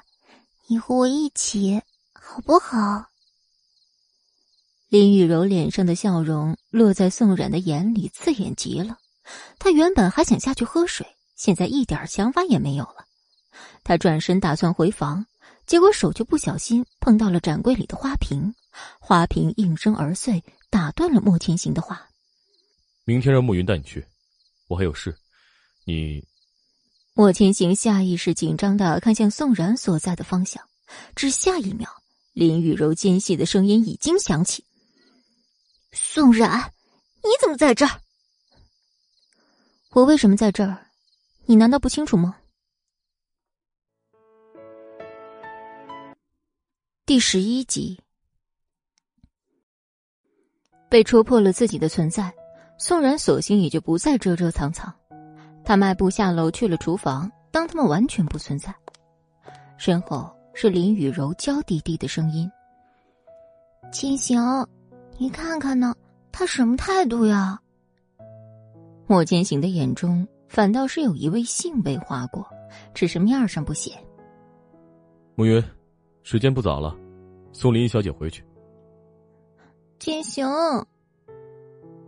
林雨柔还想说什么，却一抬头看见男人脸上冷淡的表情，她心里一咯噔，顺着他目光看过去，厨房里面那个女人似乎是在烧水，不小心烫到手了。她下意识的把手放在耳朵上，从背后看，整个人俏皮可爱的紧，男人的面上也不由自主的温柔了许多。林雨柔握了握自己的手，精致的指甲嵌入肉里，她却像是感觉不到疼一样。她看着莫千行，眼中划过一抹不甘心。她压低了自己的声音：“千行，他当年怎么对的你，你应该没忘记吧？”果然，他这句话说完，莫千行的眼中划过一抹狠厉。他勾了勾唇角。缓缓蹲下自己的身体，握住男人的手。秦行，我只是担心你，这个女人当年用了什么样的手段把你迷得团团转？我真的怕你再像当年一样上了她的当。我自己心里有数，天色不早了，你赶紧回去吧。林雨柔握了握手，他们虽然订了婚，可是莫千行却一直没有碰过她，他心知。这不能着急，可他还是不安。他努力的冷静下来，柔声开口：“ 千行，现在我们两个已经订婚了，以后有什么事情你都可以跟我说，不要一个人承担，我会心疼的。”他握着男人的手也越发温柔起来。莫千行看着他委曲求全的模样，心中虽没有心动的感觉，却也有些愧疚。他自己心里清楚明白，对林雨柔好的另外一方面，也只是为了刺激某个没良心的女人。他语气不自觉的柔软了下来。我知道了。林雨柔知道，这是他已经软化的体现。他靠在他怀中，不经意的扭了扭自己的头，让自己的红唇印在他的白衬衫上。做了这些之后，他笑了笑，跟着暮云离开了。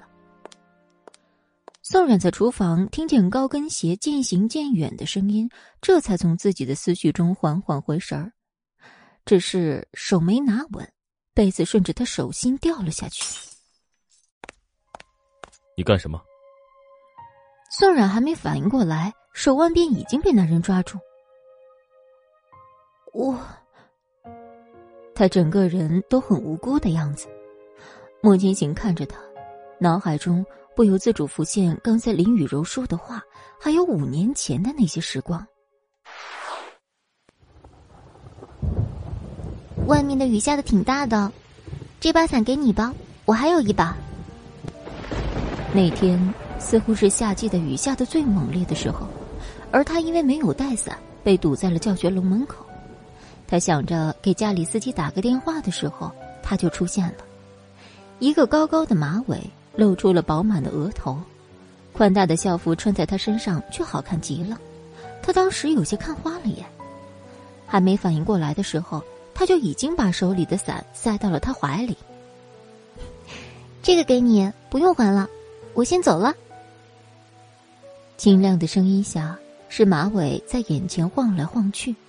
让当时清心寡欲的他，却做了一夜的春梦。春梦的女主角，不出预料的都是他。只是现在看来，当时的一切都像是编排好的一样。宋冉的手腕被男人握得很疼，他皱了皱眉，晃了晃自己的手腕。莫千行猛然间从回忆中醒过神来，他看着眼前的人，语气森冷，其中更多的是茫然。宋然，你是不是那个时候就开始算计我了？你在说什么？莫金星，你放开我！你握的我很疼。疼吗？宋然，这还不及我当初万分之一的疼。他一边说着，一边逼近宋然，却在最后的时候看见他清亮的眼睛和记忆中的那双眼睛契合。莫金星皱了皱眉。还是握着他的手，把他甩在了沙发上。宋然以为他还要做那种事儿，可他现在身体很不舒服。蓦然间，他瞥见他衣领上的红唇印，浑身骤然僵硬，血液倒流般的让他感到彻骨的寒冷。他到底还在期待什么？宋冉心灰意冷的想要阻止他，莫千行。结果他沉着脸抽身离开，看向佣人。王妈，把厨房和楼梯的垃圾收拾了。哦，是。王妈还没来得及说什么，莫千行就大踏步的走了出去。接着，门外传来了汽车发动的声音。他去找林雨柔了吧？也好，他早该死心的。宋然起身整理好自己的衣裳。自从那日莫千行从家里走了之后，宋然已经好几天没看见他了。他倒是也乐得自在，整日在别墅里帮着王妈做些事情，反倒高兴。宋小姐，这个要这样切。王妈再一次看着他笨拙的手法，无奈的笑了笑。宋冉笑眯眯的看着王妈从他手里接过菜刀，王妈很像是他妈妈还没有昏迷的时候，想到妈妈。他的心情便不由自主的低落下去，只是他还没来得及悲伤，门口便传来一个不怎么友好的声音：“王妈，王妈，给我倒杯水。”宋冉心中划过一抹不怎么好的预感，果然，林雨柔双手环胸，如同女主人一般驾到，看见他还嫌弃的皱眉：“宋冉，你果然还在这儿啊？”你来这干什么？莫千行不在这儿。千行出差了。宋冉，你该不是不知道吧？宋冉的眼中划过一抹不自然，他怎么会知道这种事儿？从那日以后，他就再也没有见过他了。只是话到嘴边，就变成了：我为什么要知道这种事儿？宋冉。你现在居然能够说出这样的话来，你当真是对千行一点感情也没有了吗？林雨柔，我和莫千行之间的事儿还轮不到你来管，倒是你，追了莫千行这么多年，你现在不去他面前展露风姿，跑来我这发什么疯？宋冉的话像是一巴掌狠狠打在林雨柔的脸上，好像不论怎样，他林雨柔都比不上宋冉。现在，就是跟莫千行订了婚，也是他捡剩下的。林雨柔狠狠的皱了皱眉。宋家现在不过是败家之犬，哪来的勇气这样跟他说话？他接着便要一巴掌打在宋然的脸上，让他看清楚谁才是现在的胜利者。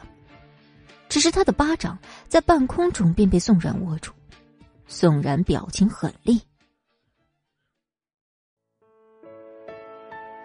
第十二集，林雨柔，怎么了？你被我戳中了心思，觉得难堪了是吗？你，我告诉你，这里不是你们林家，要撒泼，赶紧滚回你自己家去撒。宋冉说完以后，就准备转身离开。林雨柔手上长长的指甲嵌入手中，眼中划过一抹狠厉。他今天来，可不是为了受气才来的。宋冉，你也知道，我要跟千行结婚了。我知道，你现在是不怎么在乎千行了，可是对于千行的喜好，还是你最了解。我想请你帮我来选婚纱。宋冉皱了皱眉，刚想说的是不是脑子坏掉，林雨柔就把自己的手机拿了出来。千行，刚才的话你都听见了，我今天只是想让他来帮我选婚纱，可是宋然好像不是特别乐意。可是那天他明明说会祝福我们的，是吧，宋然？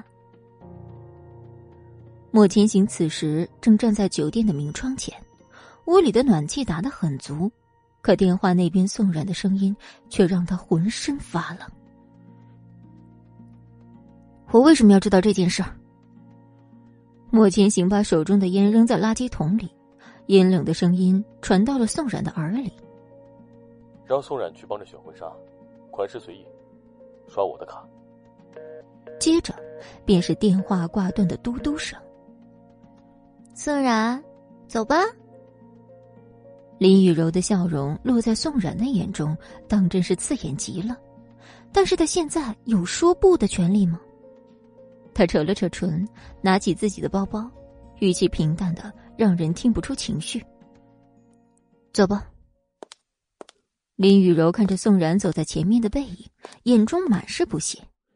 你宋冉再傲气又能怎样？现在还不是要在我林雨柔面前伏低作小？两人坐着莫家的车来到了婚纱店。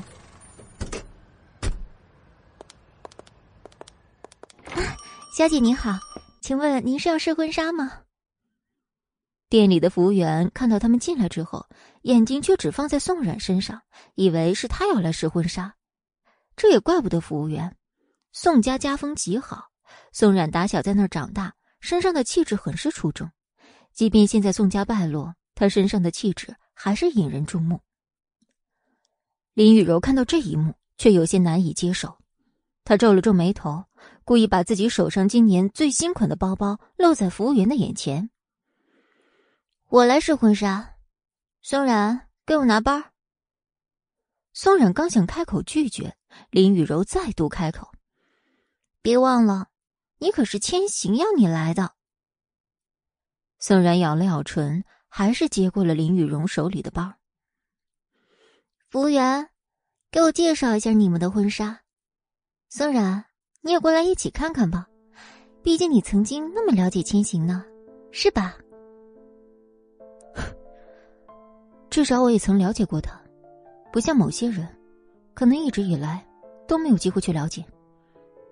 宋冉，就这件吧，挺合适的。宋冉随便指了指手边的一件婚纱，很保守的款式，但是也不算难看。林雨柔看了看他指的那件婚纱，皱了皱眉头。宋冉，你故意的吧？这件千行怎么可能会喜欢？可是当年的时候，他就是这样说的。宋然眨了眨眼，好似又看到了当年。千行，等我们结婚的时候，我也要穿白色的婚纱，我觉得特别好看。不行。为什么呀？那你是想要我穿什么样的婚纱呀？嗯，千行，你不是想要我穿那种密不透风的婚纱吧？那样会不会有点丑呀？似乎是他的碎碎念让他很无奈，少年终于停下脚步，看着他的眼睛，摸摸他的长发。我的冉冉是世界上最好看的女孩，她不管怎么样都是最美丽的。我的新娘，要世界上最好的婚纱，但是冉冉，不能太过于暴露，我的人，不能让别人看了去。宋冉至今还记得，那个少年看着他时温柔而又炙热的眼神。林雨柔在店内转了一圈，还是没有找到自己想要的婚纱。她看了一眼宋冉，他正在发呆，他以为宋冉是在伤心，勾了勾唇角。走吧，我们先去选场地。宋冉也没有问他婚纱已经选好了吗，只是点点头就上了车。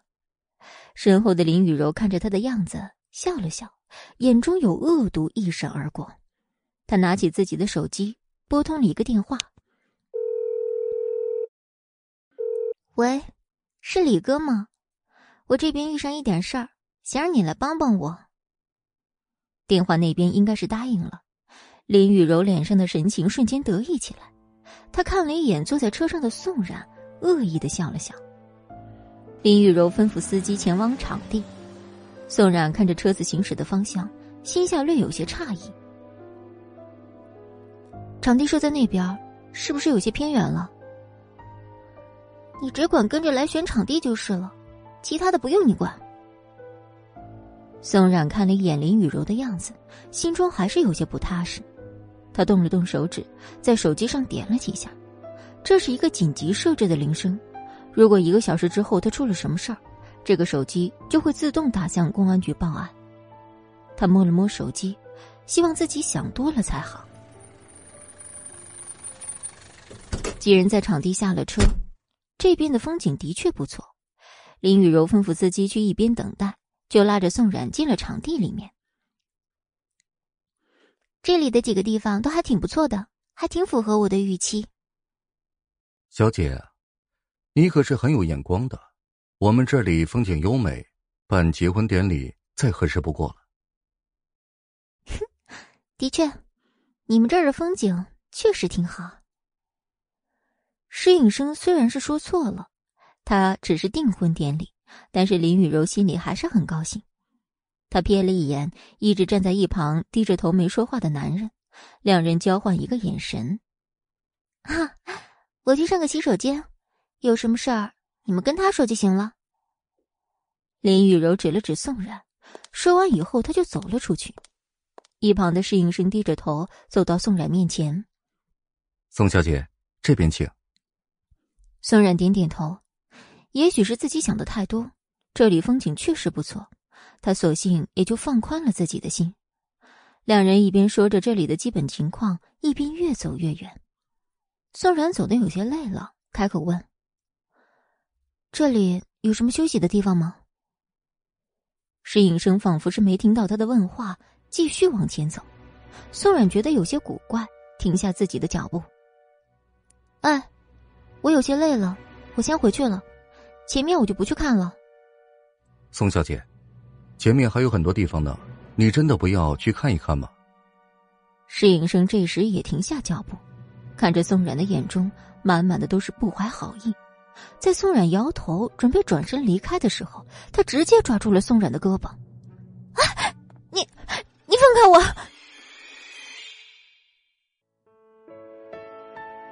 第十三集，男人甩开自己身上侍应生的衣服。把宋冉推倒在地，趴在他的脖子上嗅了两下，整个人的脸上皆是一副很享受的样子。宋冉却只能够感觉浓浓的恶心，他的手极力抵在男人的肩膀上，阻止他下一步的举动。你要是没疯的话，我劝你现在最好赶紧放开我。不然你一定会后悔的。宋冉，你以为你还是那个宋家大小姐吗？呵呵，宋家早就败落了，这在这里谁不知道啊？你还能够怎么威胁我啊？男人的力气很大，他说完话之后便开始撕扯宋冉的衣服。宋冉在地上摸索了半天，终于找到了自己的包。他咬了咬牙，用力把包砸在男人的头上。小贱人，你敢打我！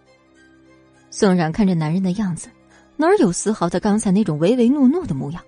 他一刻也不敢耽误，趁着男人摸着自己的头，他从地上爬起来就开始跑。你还敢跑？男人反应过来，就看见宋冉狂奔的样子，他吐了一口唾沫，三步并作两步开始追赶宋冉。男人终究还是比女人要跑得快得多，更何况宋冉的高跟鞋在刚才的摩擦中掉了，他现在赤脚跑在地上，只不过两三步的距离，男人便重新把宋冉压在身下。小贱人，你打完我还敢跑？看老子今天怎么收拾你！宋冉碰到一旁的石头，要砸向男人的时候，被他一下甩开了。你还敢来打我？男人揪着宋冉的头发，重重的往地上撞了两下。宋冉只觉得眼前一阵晕眩，似乎有什么热热的东西从他的额头上流了下来，糊住了他的视线。男人压在他身上，还不停的撕扯他的衣服。不行，他不能这样被夺了清白。在宋冉准备咬下自己舌根的时候，他感觉压在自己身上的重量没有了，耳边是一个男人尊敬的声音。少爷，都处理好了。有一双很温柔的手把宋冉抱了起来，那尊敬的声音再次响起：“少爷，你的身体承受不住这样的。”闭嘴，去备车。宋冉模模糊糊的清醒过来，耳边是男人欣喜的声音：“你感觉怎么样？”是你啊。宋冉看到是齐军，扯了扯唇，接着。整个人都晕在男人怀里。另一边会议室里，众人都在开会。一个人的手机铃声响了起来，众人皆是大气都不敢出。今天莫千行的心情不太好，众人都能看得出来。今天是谁撞了霉运，手机竟没关。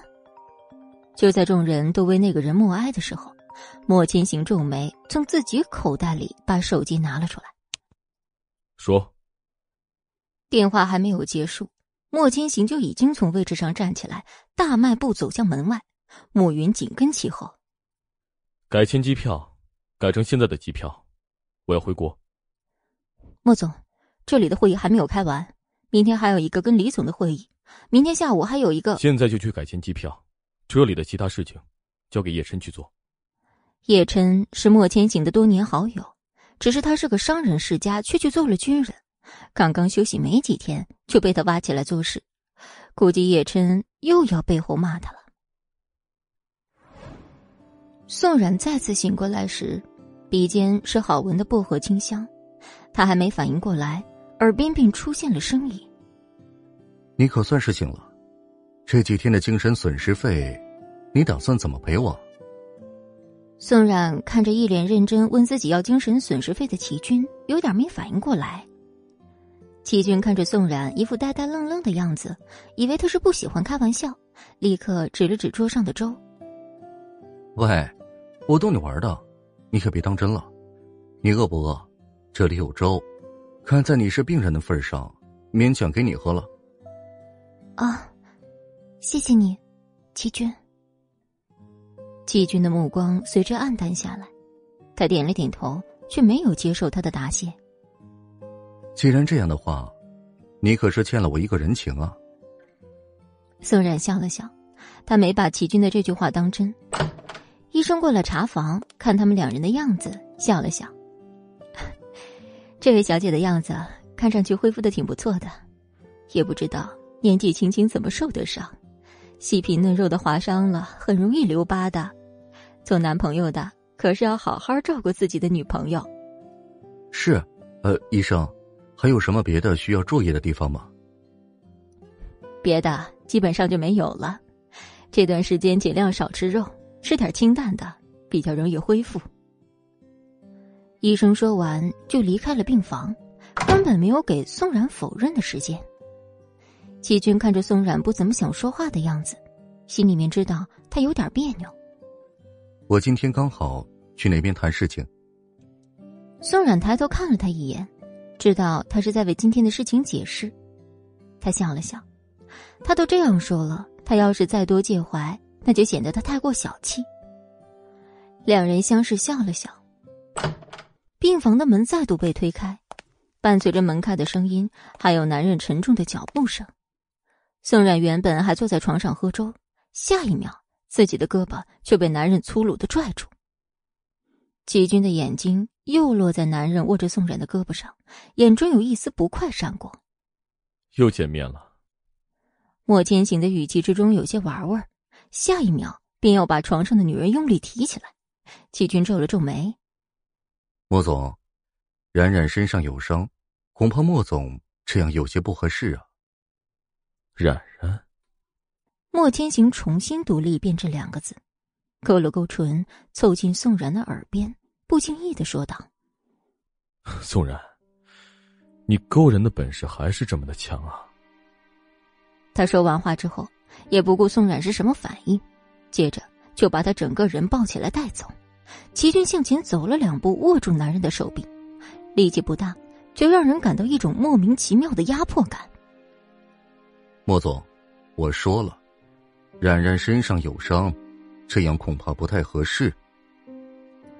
莫千行听见这句，反而是笑了出来。他松开了自己握着宋冉的手，转身看着齐军，语气满是讽刺：“我倒是有点好奇，齐先生是站在什么立场上跟我说话？朋友吗？还是宋冉的新欢？”够了，莫千行，你别再说了。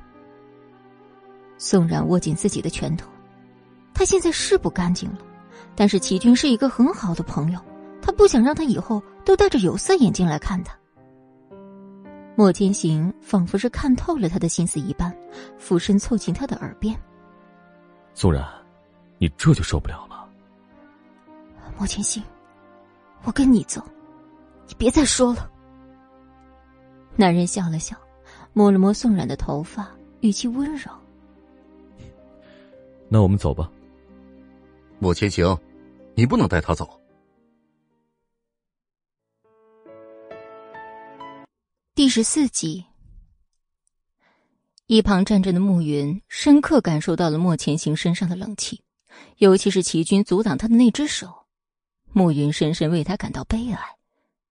莫千行看着自己胳膊上齐军的手，白皙的都能够透出血管来的样子。看样子，外界传闻他有先天性心脏病，这件事儿应该不是假的。莫千行勾了勾唇角，凑近宋冉的耳边，说出来的话却让整间屋子的人都能够听见。冉冉，他不让你走呢。莫千行，宋冉是一个人，他想要怎么做就怎么做，你没有强逼他的权利。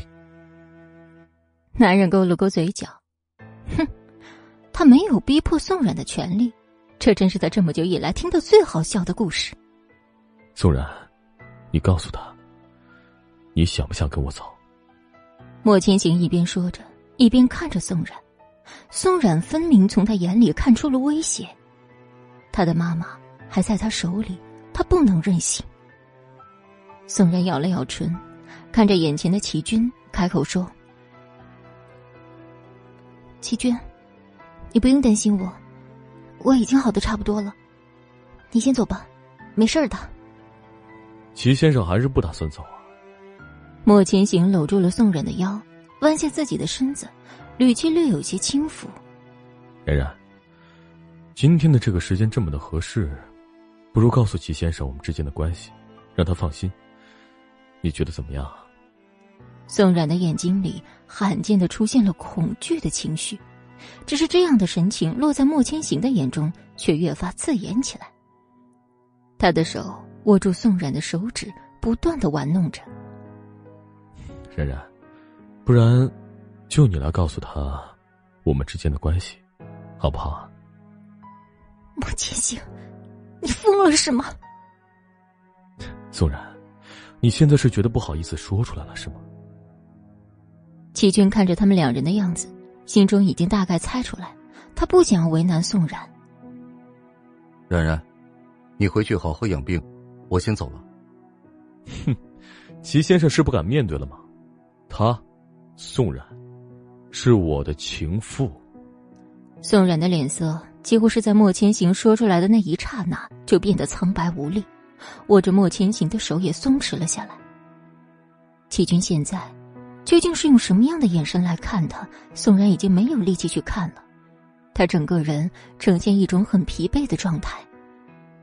莫千行看着的这副样子，面上笑得更加猖狂，心中的怒火却渐起。如果齐先生没有别的事情，我就带着他先走了。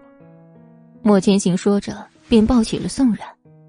宋冉窝在他怀里，像是一个易碎的瓷娃娃一样。两人掠过齐军的时候，男人眼中的心疼很是明显。林雨柔接到消息，赶到医院来的时候，刚好看见莫千行抱着宋冉离开。宋冉窝在莫千行怀里，整个人脸色惨白。男人脸上的神情难看的厉害，整个人身上的气场能够冻死人。林雨柔皱了皱眉，他们两人都没看见他。他探头向病房里看了一眼，里面站着的是傻愣愣的齐军。你好，我是林雨柔，你是？齐军看着递到自己面前的手，鲜红的指甲油。看的人心里不是很舒服，女人脸上的神情太过于有侵略性，他只是看了一眼就已经知道这女人肯定不是什么好人。齐军转身就要走，身后林雨柔的声音再度响起：“你是齐军吧？我见过你，你喜欢宋冉，是不是？”齐军的脚步停了一瞬，便要接着走。我可以帮你啊。齐军转过身，看着林雨柔，似乎是想听她说下去。林雨柔的表情变得越发得意起来。只要你跟我合作，我们可以达到双赢的效果，怎么样？据我所知，你已经和莫千行订婚了。是，但是你也看到了，宋冉那个小贱人做了千行的情妇，这样的事情我怎么能够忍受？林雨柔长长的指甲嵌入自己的手掌心中，整个人的样子有些癫狂。齐军却在听到了“情妇”二字时，脸上的表情略微有些不忍。跟我合作，宋冉归你，以后只要他不再来打扰我和千行，怎么样？这交易你不亏。齐军听了他的话，却笑了笑。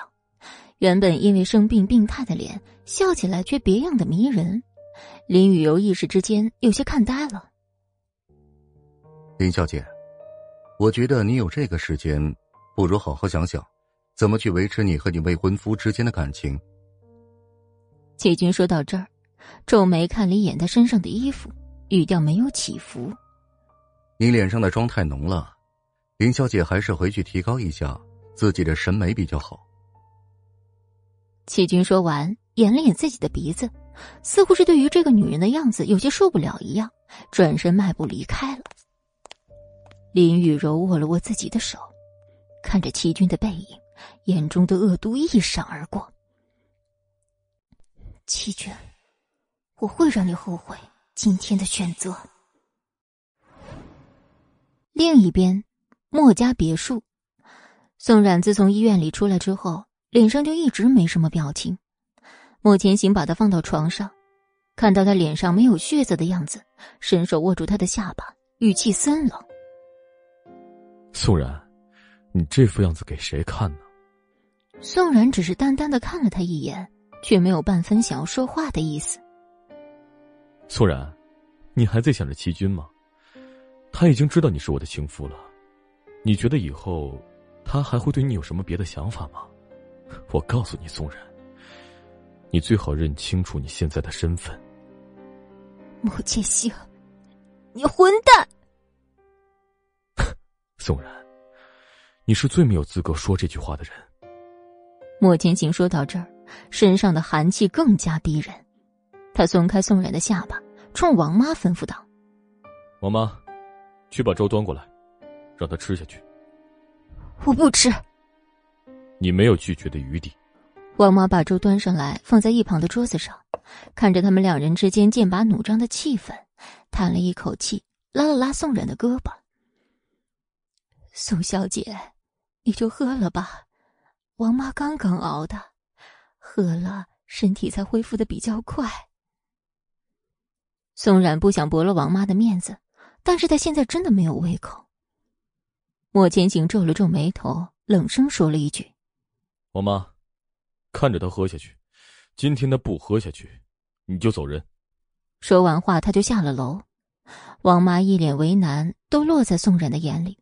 宋冉并不想让王妈为难，他拿起一旁的碗，里面的粥很稀薄，味道很好，记忆像是开了闸门一样，关也关不住。冉冉，快来，我给你熬了粥，快起来喝一点。妈妈，我难受，不想喝。你发烧了，先起来喝点粥，然后去吃药，很快就好了。宋然点了点头，却还是浑身发软，不打算起来。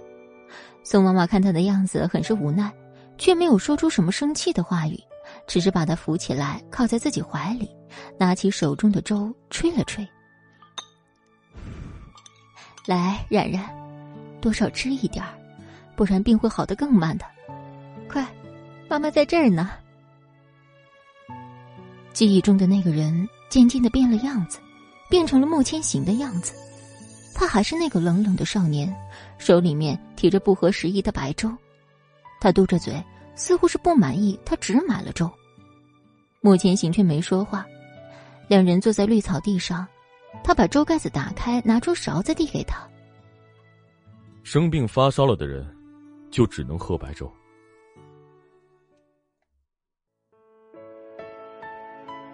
第十五集，宋冉嘟了嘟嘴：“我的病都快要好了。”发烧三十八度，这也是快要好了。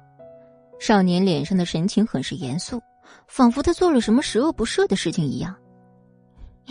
那你喂我好不好？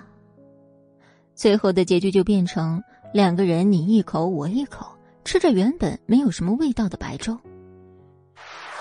宋小姐，宋小姐，耳边王妈的声音把宋冉的神志换了回来。她看着手中已经空了的碗，愣了愣。宋小姐看上去是真的饿了，还要一碗吗？王妈再去给你盛。谢谢王妈，不用了，我吃饱了。王妈点了点头，下楼的时候就看见坐在沙发上的莫千行，他的脚边已经有很多烟蒂。少爷，你……他吃完了。啊哦哦，宋小姐都吃完了，现在整个人看上去气色也好多了。少爷，你还没吃饭吧？我就给你盛一碗。不用了，记得让他吃药，前两天不要让他随便外出。我有事，先走了。说完话，莫千行就拿起手机走了出去。王妈看着手中的碗，叹了口气：他们两个人怎么这么别扭啊？他是过来人，能够看出他们两人之间是有感情的，只是究竟有什么事儿，他们两人现在这么别扭？莫千行离开之后，又是几天没有看到人。宋然好像已经习惯了这种生活，这里仿佛就是一个旅馆一样。他想要来的时候，他便只能配合；他不来的时候，他也无权过问。宋然扯了扯唇，手机这个时候响了起来，一个不知名的短信：“暗夜酒吧二零五包间，自己一个人过来。”宋冉皱了皱眉头。这是最新型的诈骗手段吗？他没打算搭理这个短信，接着手机又进了一条短信：“当年的事情我会告诉你，你要是不来，以后就都没有机会了。我只给你十分钟，十分钟之后，你就再也不会知道了。宋冉的眼中划过震惊，他接着就要打这个电话过去，可是电话那边是冷漠的嘟嘟声。他皱了皱眉，只是犹豫了一下，还是决定要去。当年究竟发生了什么？他不相信自己的父亲会做出那样的事儿来，他一定要搞清楚。王妈，我出去一下。宋小姐，这么晚了，您去哪儿啊？王妈匆匆的从厨房里出来，宋然已经推开门走出去。王妈想起莫千行的拖住，擦了擦自己的手，给他打了一个电话。电话很快就接通了，电话那边仍然是那个冷漠的声音。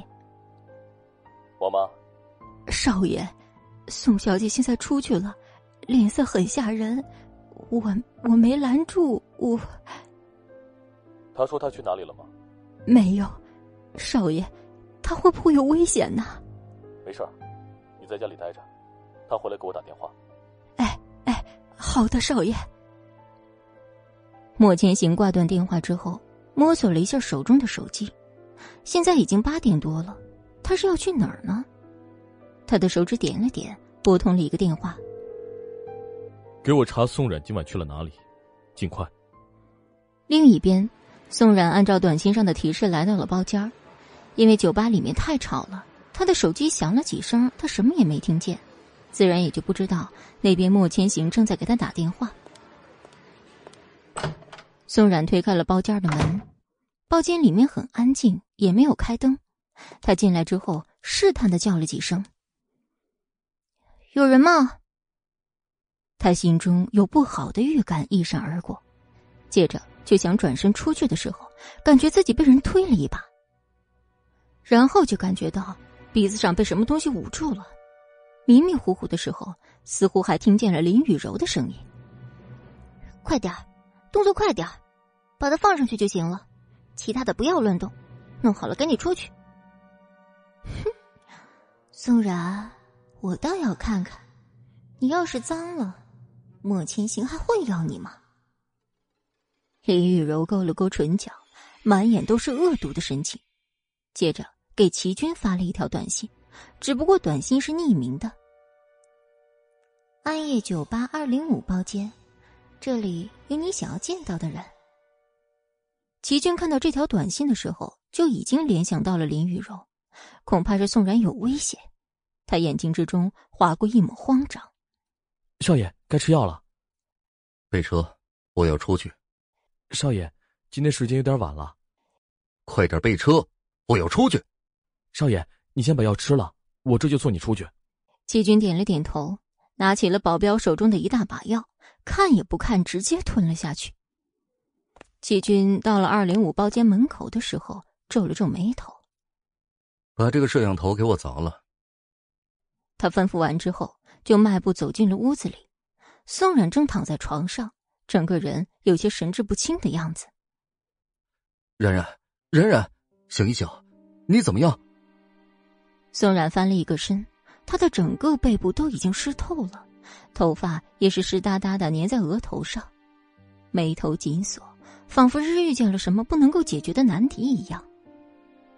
齐军看着他这个样子，皱了皱眉，他看了一眼周围，这屋子里面有些不对劲儿。他进来之后就感觉到了，身体里面有一种莫名的兴奋。他极力压制住自己身体里那种兴奋，在屋子里面看了一圈，发现摆放在桌上香皂一样的东西。齐军皱了皱眉，这个东西在酒吧里面不少见，只是这屋子里面的似乎有些不大对劲儿。齐军拿起桌上的香皂，随手扔进垃圾桶里。他抱起床上的女人，保镖挡在了门口。少爷，你的身体只怕是有些吃不消。让开，少爷，我说让开。保镖低了低头，还是让开了一条路。只是齐军走了两步，仿佛想起什么一样，他低咒一声，重新把宋冉送到了房间里，冷声吩咐保镖：“四处看一看，这里有没有什么摄像头？有的话全都砸了。看完就出去守在门口。我先走了，听清楚了。”一定要保证他的安全。齐军看着床上的宋冉，按了按眉眼。这次的事儿背后肯定有人操控着，他不知道背后主使究竟是谁，但是他一定要确保他没事儿才行。看着保镖检查完这里的一切，确定没有剩余的摄像头，齐军这才点点头，迈步走了出去。听清楚了，现在不准任何人进来，守在这里，一直等到宋然醒过来。第十六集，保镖点了点头，知道了。另一边，莫前行坐在包间里，百无聊赖的看着手机，似乎是在等谁的电话。一个男人看着他的样子，抖了抖胆子，拿了一杯酒走了过来。莫总，喝一杯。莫千情只是淡淡的演了演眉眼，并没有伸手接这杯酒，仿佛是眼前的这个男人完全不存在一样。男人却好像是感觉不到尴尬一样，嘿嘿笑了两声，接着开口道：“呃，莫总，我替你喝，我替你喝。”男人喝完酒之后，坐到一旁，脸上的笑意越发谄媚。莫总，城南的那块地皮，你看。莫千行勾了勾嘴角，看着杯子里隐隐约约的酒，莫名的说了一句：“你想要那块地啊？” 莫总。我也是想要跟你们合作。他的话说完以后，莫千行却久久没有回应，只是淡淡的看了他一眼，也没有说话。莫千行的所有心思都放在宋冉身上，他为什么会来这个酒吧？齐军又为什么会出现在这儿？黑暗中，手机突然亮了一下，莫千行低头看着刚进来的消息，眉头皱得越发紧蹙。身边的男人大气也不敢出，只是站在旁边讪笑着。忽而，莫千行嘴角开始略微的牵扯一下，他笑着站起身，将男人刚刚递过来的酒一饮而尽。只要你帮我办成一件事，地皮的事，好说。身旁男人被眼前莫千行眉头微挑的动作惊住了，他的表情明明是微笑着的，眼里却透着令人不寒而栗的凶狠，他不由背后出了一身冷汗。怎么，不愿意啊？呃，愿意愿意，莫总叫我往东，我绝不敢往西的。莫千行交代了慕云几句，便起身离开了包厢。不一会儿，林雨柔推门进来，话音未落，她便被人囚禁在身下，伴随着几声邪恶的笑声，林雨柔忽然像是疯了一样开始嘶喊，然后再大的声音也盖不过那些人的笑声。包厢里的灯忽明忽灭。照亮了那些人的脸，有一个正是刚刚给莫千行敬酒的男人。一切都结束之后，林雨柔掩着她已经破碎的衣服，眼里像是要吃人似的愤怒，她的表情变得极度扭曲。不，能就这么算了，他不能让莫千行知道这件事儿，更不能让宋冉得意。想到这儿，他开始整理破碎的衣裙，拨通了一个电话。另一边，宋冉揉了揉酸痛的太阳穴，缓缓清醒过来。一睁眼，满屋狼藉，包厢里只有他一个人。他清醒过来，想起昏迷之前隐隐听见林雨柔的声音。电光火石之间，他明白这是他的陷阱，但他为什么还好端端的在包厢里呢？越想，太阳穴就越发疼痛。宋冉顾不了那么多。他现在只想找林雨柔问清楚。宋冉回到墨家，看见林雨柔的车也在，他正好可以问个清楚。他连衣服都顾不得换，冲上楼推开莫千行的房门，却被眼前的画面惊呆了。林雨柔半遮半掩的依在莫千行怀里，一脸娇羞。莫千行似乎被推门的声音吵醒，刚睁开眼，就看见睡在他怀里的林雨柔。他眼眸微暗，随即瞥见了震惊的宋然。有那么一刻，他险些直接下意识的要把林雨柔丢出去。莫千行有些愤怒，愤怒过了这么多年，宋冉还是能左右他。而宋冉震惊过后，便是嘲讽一笑。他还需要问什么呢？也许林雨柔对他做的事儿都是莫千行默许的。宋冉突然觉得自己心揪了起来，好像有人在拿针在刺一样。倒是林雨柔，她绝不会放过任何刺激宋冉的机会。她妩媚一笑：“ 千行，人家害羞嘛。”那嗓音腻得人犯恶心。啪的一声，宋冉关上了房门。他一离开，莫千行就推开了林雨柔，面无表情的进了浴室，全然不顾身后林雨柔的娇喊，将水流开到最大。莫千行心烦意乱的挠着头发。他的冉冉，他说过要一辈子疼爱的冉冉，现在却被自己伤得体无完肤。他烦躁的甩甩头，发间的水滴滴在浴室的大理石地板上。清脆的水声将莫千行拉回了现实。他的表情又恢复了往常的冷漠，似乎刚刚那个露出真实情绪的人不是他。大厅里，林雨柔一边翘着二郎腿，一边欣赏着自己艳丽的指甲。看见莫千行从旋转楼梯下来，立即雀跃的迎上前去。千行，再过几个月公司就会忙起来，我们把婚期。提到下个月好吗？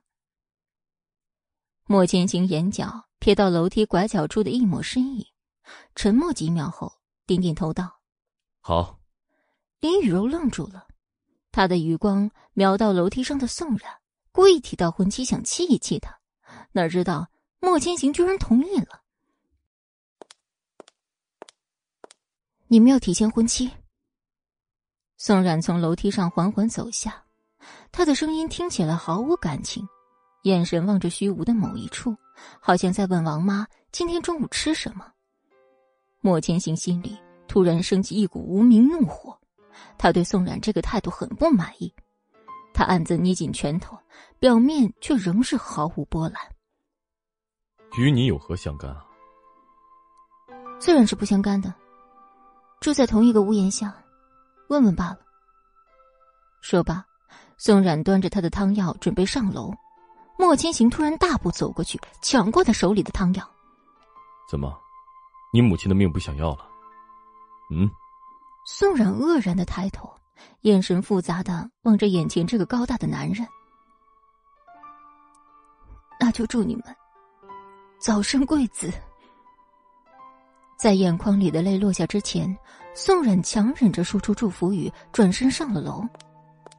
莫千行扬起手中的碗，重重摔在地上，整个客厅鸦雀无声。林雨柔看着两人逐渐闹僵，眼里升起抑制不住的得意。自从看见林雨柔躺在他怀里的样子，宋冉心里说不上来的膈应。虽然知道他们已经结婚了，但是亲眼所见之后，心中还是觉得五味杂陈。宋冉不相信父亲会做见不得人的勾当。他的父亲一直都是光明磊落的，他想要知道真相，想要为自己为林家洗白。他甚至还想过，一切水落石出的时候，莫千行会像以前那样温暖谦和。可是看见那天的画面，看见林雨柔身上的吻痕，宋冉突然觉得自己心死了。他想着，能回到过去的想法，简直就是一个笑话。是啊。他们婚期提前，跟自己有什么相干？他只要母亲活着就好，他便什么都不再奢求了。第十七集，莫千行摔了碗以后，已经大半个月没有出现过了。林雨柔大概忙着举行婚礼，也不曾对他冷嘲热讽。宋然每天睡到中午。下午经过莫千行的允许之后，会在附近的区域活动一下，有时是公园，有时是商场，有时哪儿也不去，就坐在窗前发一下午的呆。王妈担心这样下去，宋冉会出现精神问题，并想办法弄来一只小狗。宋冉给它取名叫十一，因为是十一月来的。十一出现之后，他的脸上确实出现了少有的笑容。这天刚吃完午饭，王妈送上了一个手机，示意宋冉接电话。宋冉接起电话，听力这儿后，只嗯了一声便挂了。莫千行不知哪根筋不对，突突然允许宋冉去看母亲。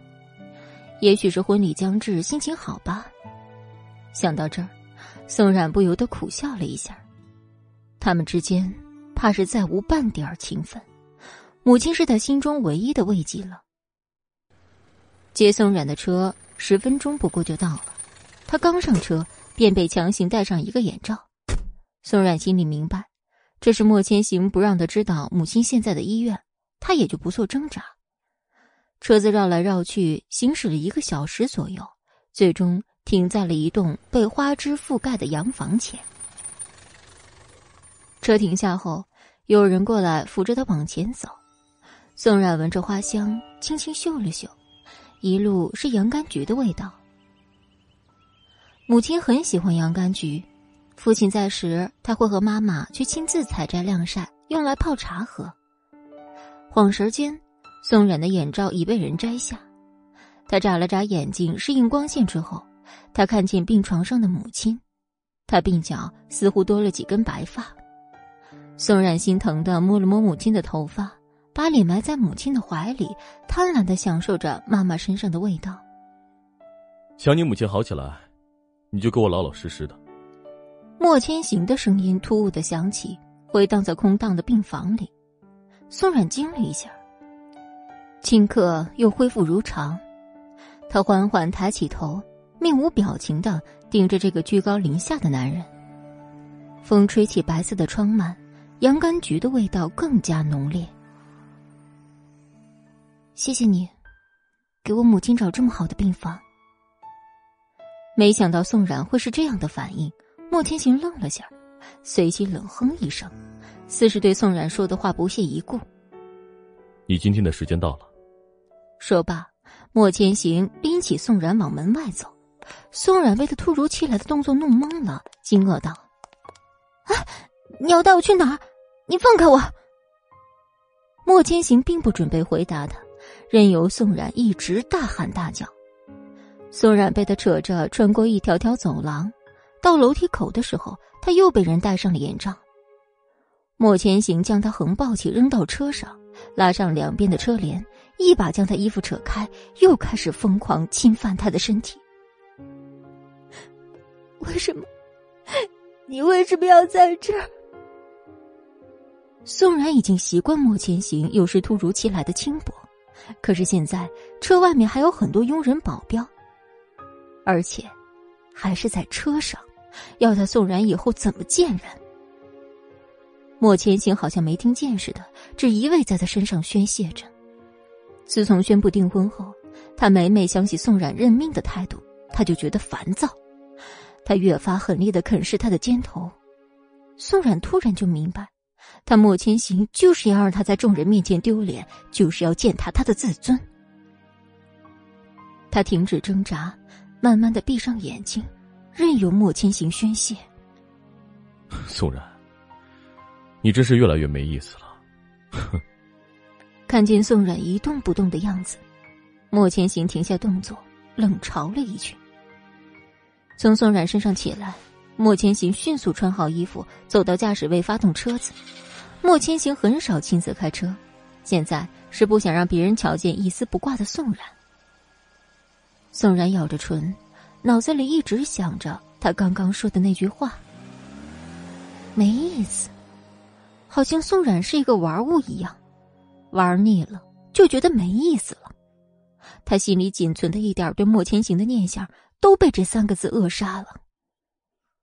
回到莫家以后，还未踏进客厅，宋冉却听到林雨柔娇媚的声音。但林雨柔显然没料到宋冉会跟在莫千行后面进来，她殷勤谄媚的笑僵在脸上，笑也不是，不笑也不是。宋冉看着他呲牙咧嘴的脸，忍不住笑了一下。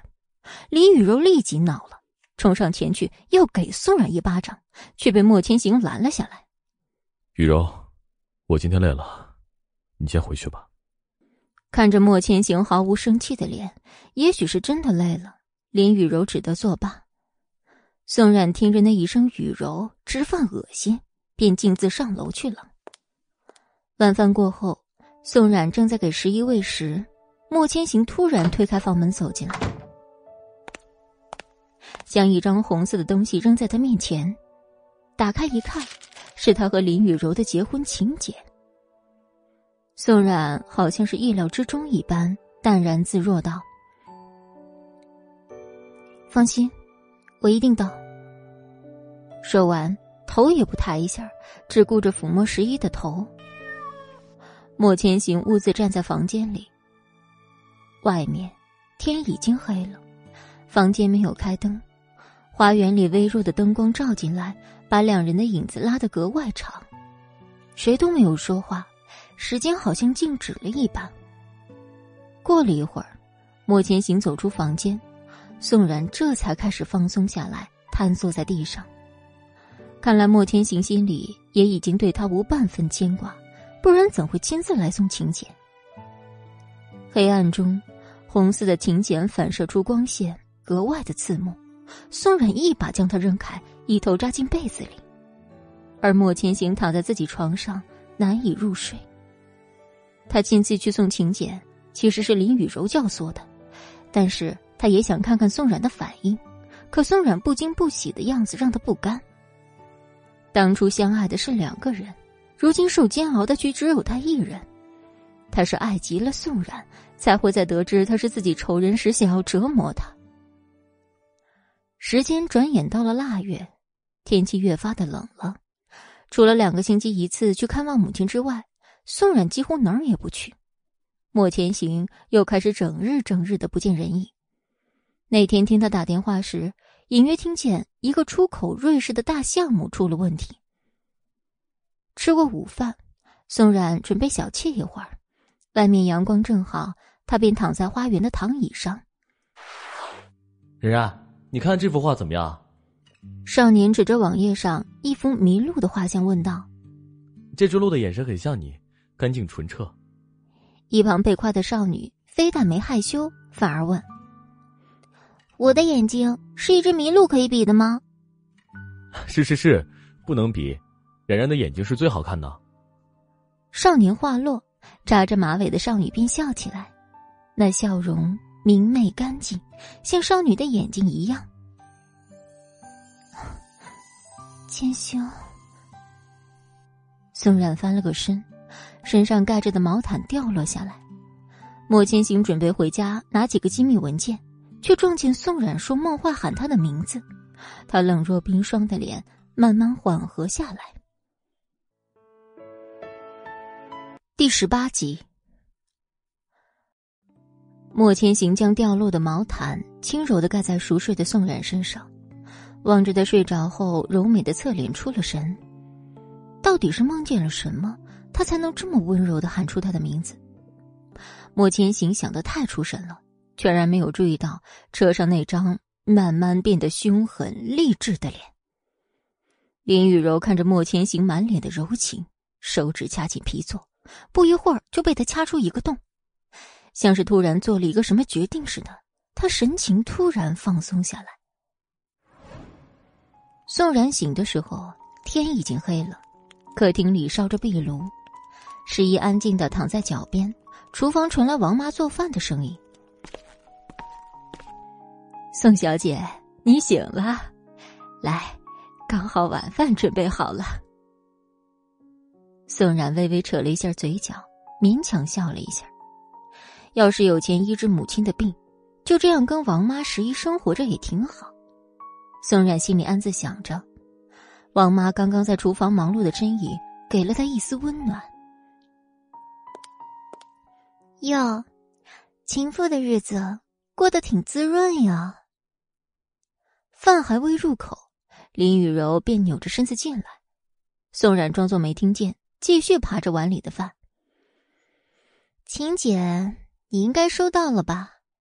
也亏得你有脸继续留在这儿，要是我，早就跳进黄浦江了。宋冉依旧没搭理他，叫王妈倒了杯水。你聋了吗？你现在是个什么货色，还敢这个态度？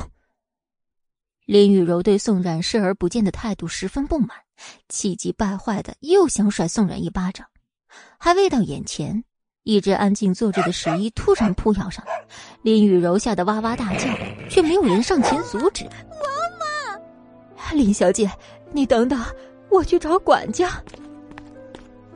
看着王妈跑开，林雨柔瞬间崩溃了。她今天穿着一身黑色长裙，现在裙边已经被十一撕咬成了碎片。十一，宋冉害怕林雨柔伤害狗狗，将十一叫过来护在身后。平时千姿百面的林大小姐，此时被一条狗吓得躺倒在地。宋冉忽然上前，用尽全力甩了他一耳光：“这是还给你的。”说完，宋冉头也不回的上楼了。宋然，你站住！林雨柔猛地起身，紧紧攥住宋婉的手腕。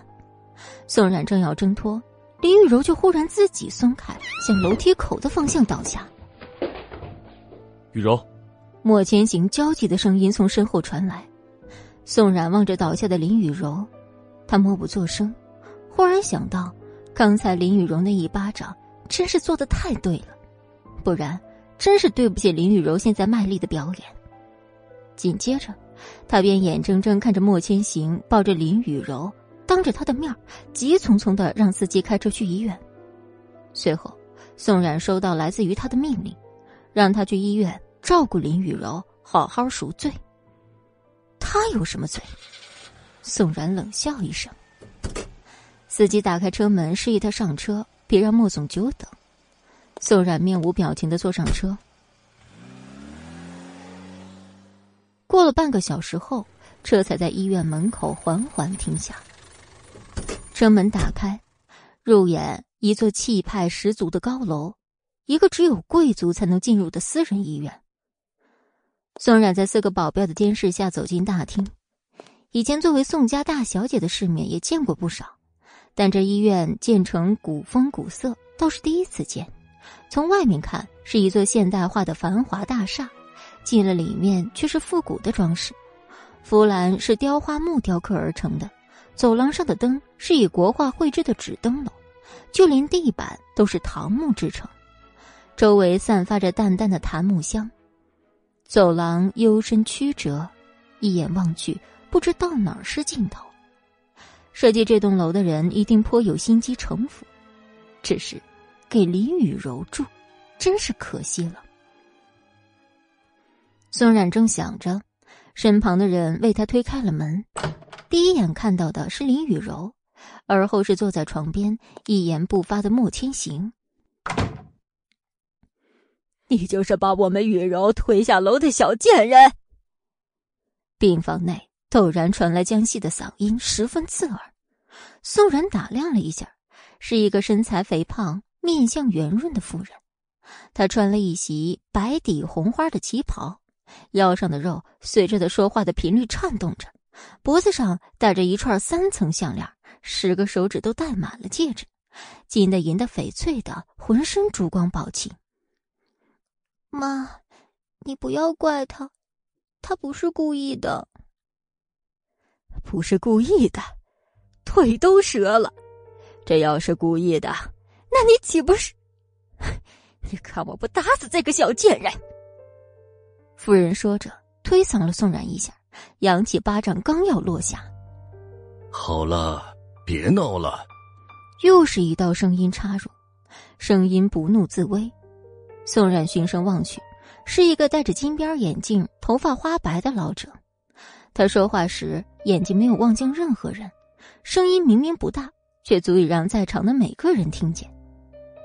夫人的手硬生生停在半空，林雨柔开始小声啜泣，撅着嘴道：“ 爸，妈，我真没事。”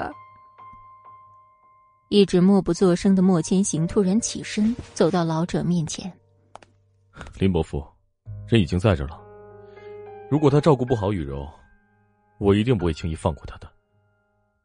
老者拄着拐杖缓缓起身。雨柔，我看过了，没什么大问题，我没空理会这些破事儿，你们自己注意分寸。而后径自走出了门，一旁的妇人着急的跟了出去。走到宋冉跟前，还不忘指着他的脑门骂骂咧咧。宋冉，愣在那干嘛呀？还不过来伺候本小姐？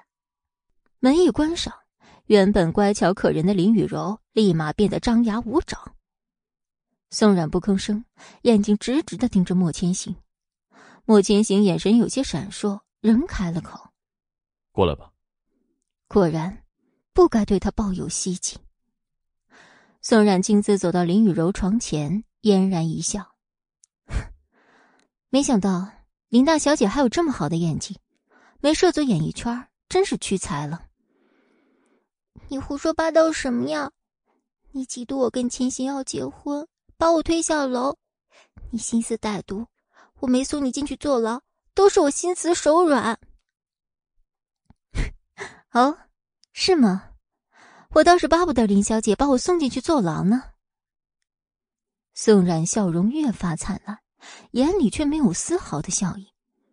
宋冉本就长得极美，不笑的时候清冷温婉，一笑起来却明媚张扬，十分吸引人。林雨柔看他笑的样子，看愣了，一时语塞。反应过来后，扯着莫千行的袖子，捏着嗓子嗲声道：“千行，你看他呀，毫无悔改之意。我就说应该剁掉他的手，让他长长记性。你非说让他照顾我来抵罪。”莫千行拿开林雨柔扯自己衣角的手，退开一步才开口：“你受伤了，应该静养，不要再惹是生非了。”接着又走到宋冉身边，俯身在他耳边说了一句：“有事打电话。”说完就拿起电话走出了房门。林雨柔看见莫千行对宋冉如此亲密，恨得牙根直痒。等莫千行出了房门，林雨柔立马将受伤的腿放下，拿起桌子上果盘里的梨，对宋冉命令道：“去，给我洗个葡萄。”怎么？在我面前连装都懒得装啊！切，反正千行只相信我，有什么办法呢？你只不过是一个可有可无的玩物。宋冉突然觉得心里堵得慌。是啊，莫千行从未问过他真相，林雨柔说什么就是什么。罢了，由他们去吧。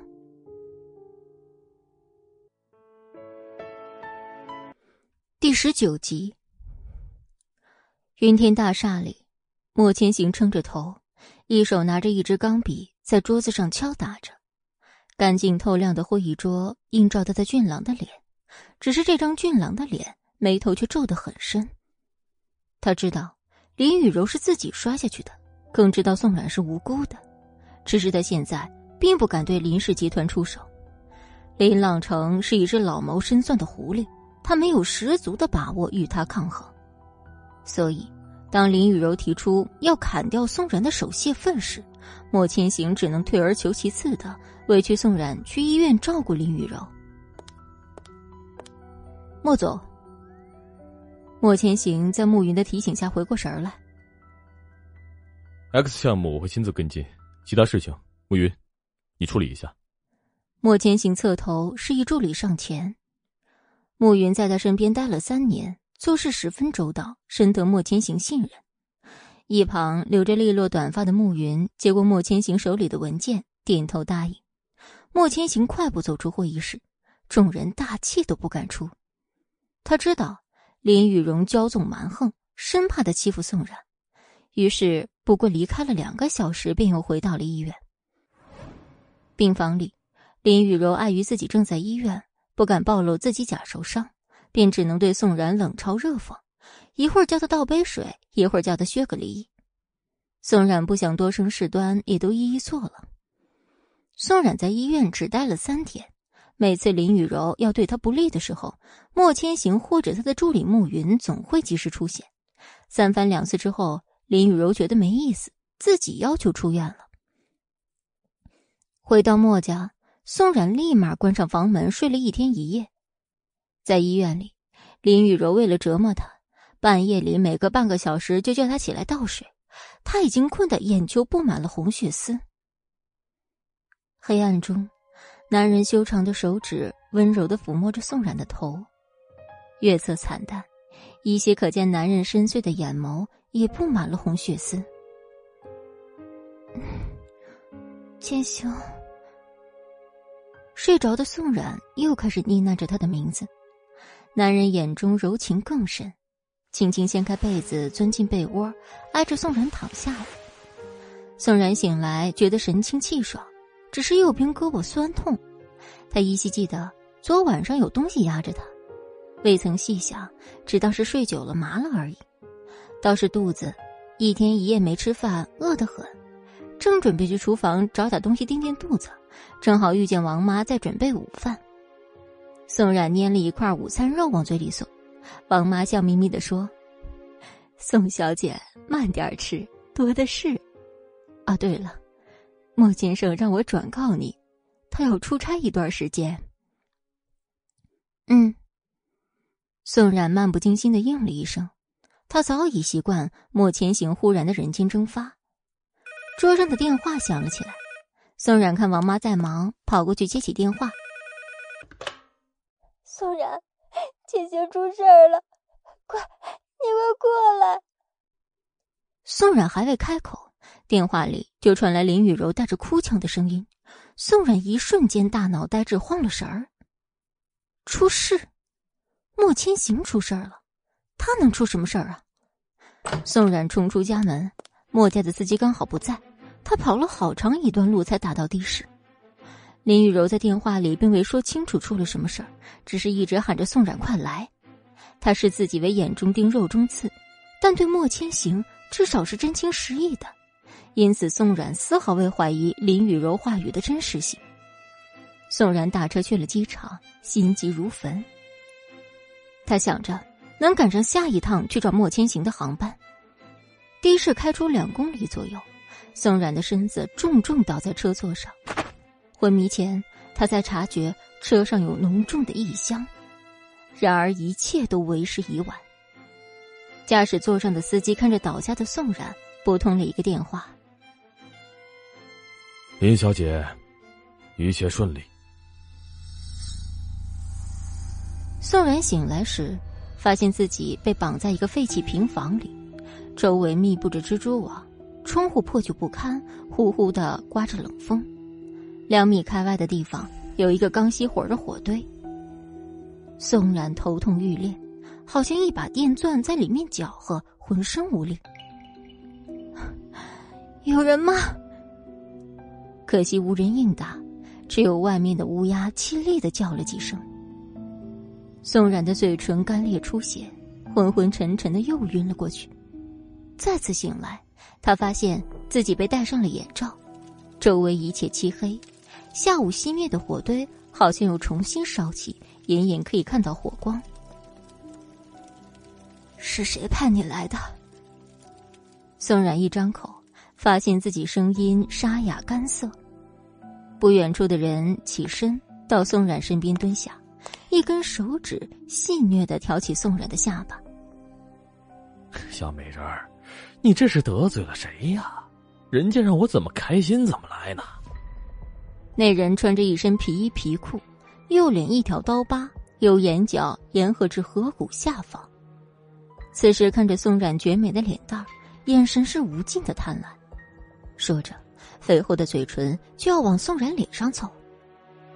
宋冉朝他啐了一口唾沫，男人恼羞成怒，扬起手重重给了宋冉一巴掌。你这个贱人，不给你点颜色看看，你不知道小爷的厉害。说完，开始拉扯宋冉的衣服。宋冉身上突然响起一阵铃声，男人从他衣服口袋摸出一个手机，晦气的啐了一口唾沫。挂掉电话，关机，将手机扔到远处，接着撕扯宋冉的衣服。又一阵铃声响起，男人骂骂咧咧的从自己裤兜掏出手机，一看来电号码，立即捂着电话，哈腰眯眼的出去了。大约过了十分钟，男人气恼的踢了一脚宋冉旁边的木棍，算你走运。接着用布条塞住宋冉的嘴，往外面走去。宋冉双手被绑，不能动弹，眼泪突然大滴大滴的掉落。他想到病床上的母亲。如果他死了，母亲怎么办？他连母亲最后一眼都没能见到。他不知道该怎么办。看样子，自己被关在了荒山野岭。宋冉绝望的闭上眼，却不由想到了莫千行。如果他死了，能消弭在心中对他的恨吗？还是说，他死了，他仍然会恨他？宋冉突然很想见他一面，哪怕只是最后一面。与此同时，灯火辉煌的机场 VIP 休息室，莫千行不停的拨打宋冉的电话，他从不会拒接自己的电话。刚刚拒接后再打过去，他的手机已经关机了。莫千行心里有隐隐的不安，打开随身携带的电脑，发现宋冉的定位在荒郊野外。自从上次逃跑事件后，莫千行就在宋冉手机里装了一个追踪定位器，只要追踪器没有被毁，哪怕手机关机也能够查询到宋冉的定位。他啪的一声关掉电脑，莫千行立马叫慕云买回国的机票。可是莫总，这次的会议非比寻常。没什么可是的，快去订票。是。回国的飞机上，莫千行心急如焚，他已经叫思慕帮忙找人了。只是晚找到宋冉一分，他就多一分危险。想到这儿，莫千行巴不得自己长了翅膀飞过去。冉冉，等我。莫千行心里默念着。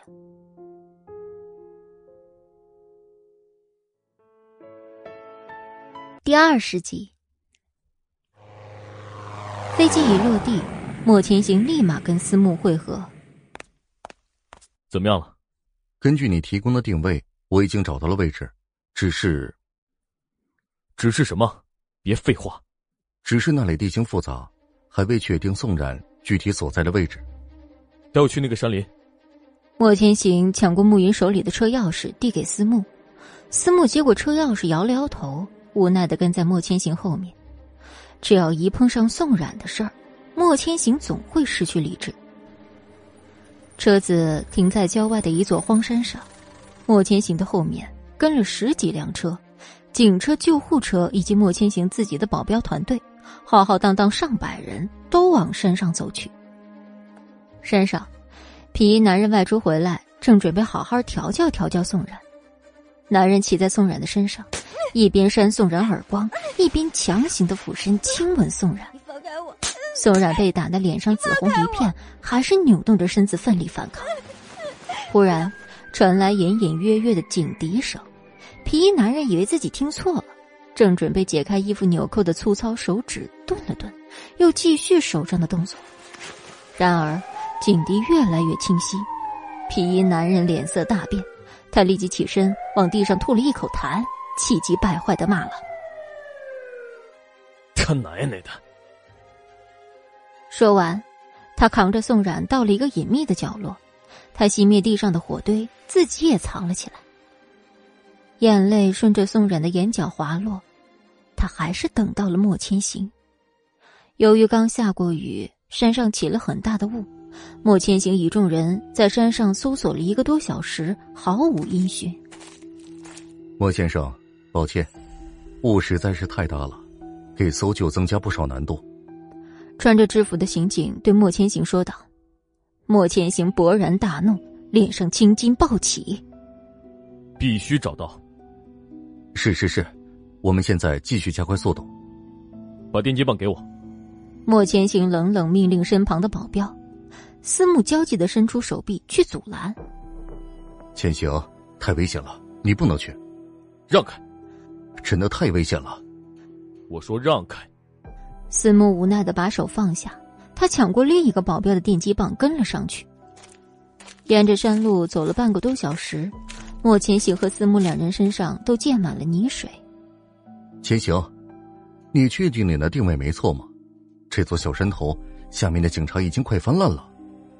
莫千行不语，仍然默默的往前走去。突然一个不小心，思慕踩空滑了一跤。莫千行准备下去扶他时，突然看见有什么东西闪闪发亮。莫千行上前仔细查看，瞳孔突然放大。思慕自己爬起来后，借着手电光看清楚了莫千行手里的东西，是一条项链。他立即掏出手机，叫警察过来仔细搜查。天微微亮时，他们通过一条被野草覆盖的路找到了那座废弃的平房。所有的警察跟保镖将平房围了起来。一个肥头肥脑的胖警察拿着话筒对里面喊道：“房门打开，皮衣男人挟持着宋冉走出来，一把发亮的匕首架在宋冉的脖子上。莫千行怒不可遏的瞪着那把匕首，皮衣男人被莫千行吓得咽了咽嗓子，拿匕首的手晃了晃，险些割破宋冉纤细的脖子。宋冉望着莫千行，眼里蓄满了泪水。看见莫千行的那一刻，他就心安了。放我走，否则大家一起死！皮衣男人掀开宋冉的外套，他的腰上裹着一排炸弹。大家都不敢出声，小心翼翼的望着莫千行。莫千行眼眸紧缩，向后招了招手，后面有人送上一个皮箱。莫千行示意保镖打开皮箱，箱子里是整整一箱的纸币。莫千行将皮箱扔在皮衣男人跟前，冷冷开口：“带着这些钱，滚！我只要他。”皮衣男人不可置信的看着莫千行，这个穿着西装、身上溅满泥水的男人，眼神深不可测，顶得他后背出了一身的冷汗。他看了看莫千行，又看了看地上的皮箱，眼里的贪婪一览无余。半晌。皮衣男人终于开口：“你说真的？”“嗯。”莫千行的发尖上的水淌着，脸色越来越冷。“好，给我一辆车，一个手机，把钱放在车上。半小时后，我会给你们地址，告诉他的位置。”“不行，你可以走，他不能离开我的视线。”“那你如何保证我的安全啊？”“我说到做到。”我再给你十秒钟的时间考虑，十、九、八、七、六、五，我答应。看着莫千行依次收起的指头，皮衣男人终于妥协了。他一边挟持着宋冉，一边领着皮箱。皮衣男人一步一步后退，到莫千行准备的车上。刚一上车，皮衣男人将宋冉推了过去。莫千行一把接住宋冉，倒在他怀里。皮衣男人举起手中的遥控器，示意莫千行不要轻举妄动，而后发动引擎，车子呼啸开过，溅起一滩泥水。一刻钟后，宋冉身上的炸弹拆除。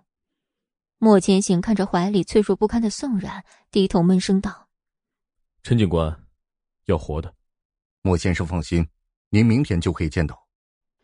被叫做陈警官的男人连连承诺，生怕莫千行的怒火殃及到自己身上。莫千行小心翼翼的把宋冉抱回车里，看着他破裂的嘴唇、脸上的淤青，心疼不已。宋冉早在皮衣男人将他推倒向莫千行的时候就昏了过去，他身上发烫，薄唇毫无血色。莫千行催促思慕再开快点到了医院。莫千行抱着宋冉横冲直撞，焦急万分。医生诊治完说没有生命危险，莫千行心里那块石头才算放下。万幸宋冉没什么性命之危，只是身上有许多的皮外伤，加上许久未进食，身体严重脱水，高烧一直退不下来。莫千行坐在病床旁边，握着宋冉的手放在嘴边，温柔的亲吻着。处理过伤口后，宋冉脸上的指印越发明显。莫千行的目光落在那指印上，他眸子一暗，攥紧拳头。是谁敢动他莫千行的人？这绝不是一场简单的绑架案。莫千行心里坚信这一点。他已经叫司慕帮忙调查幕后黑手，很快他会让那些谋害宋冉的人知道什么叫做生不如死。望着宋冉安静的睡颜，莫千行一时忘记了对他的恨。他将头埋在宋冉的颈间，贪婪的汲取他身上独有的气息。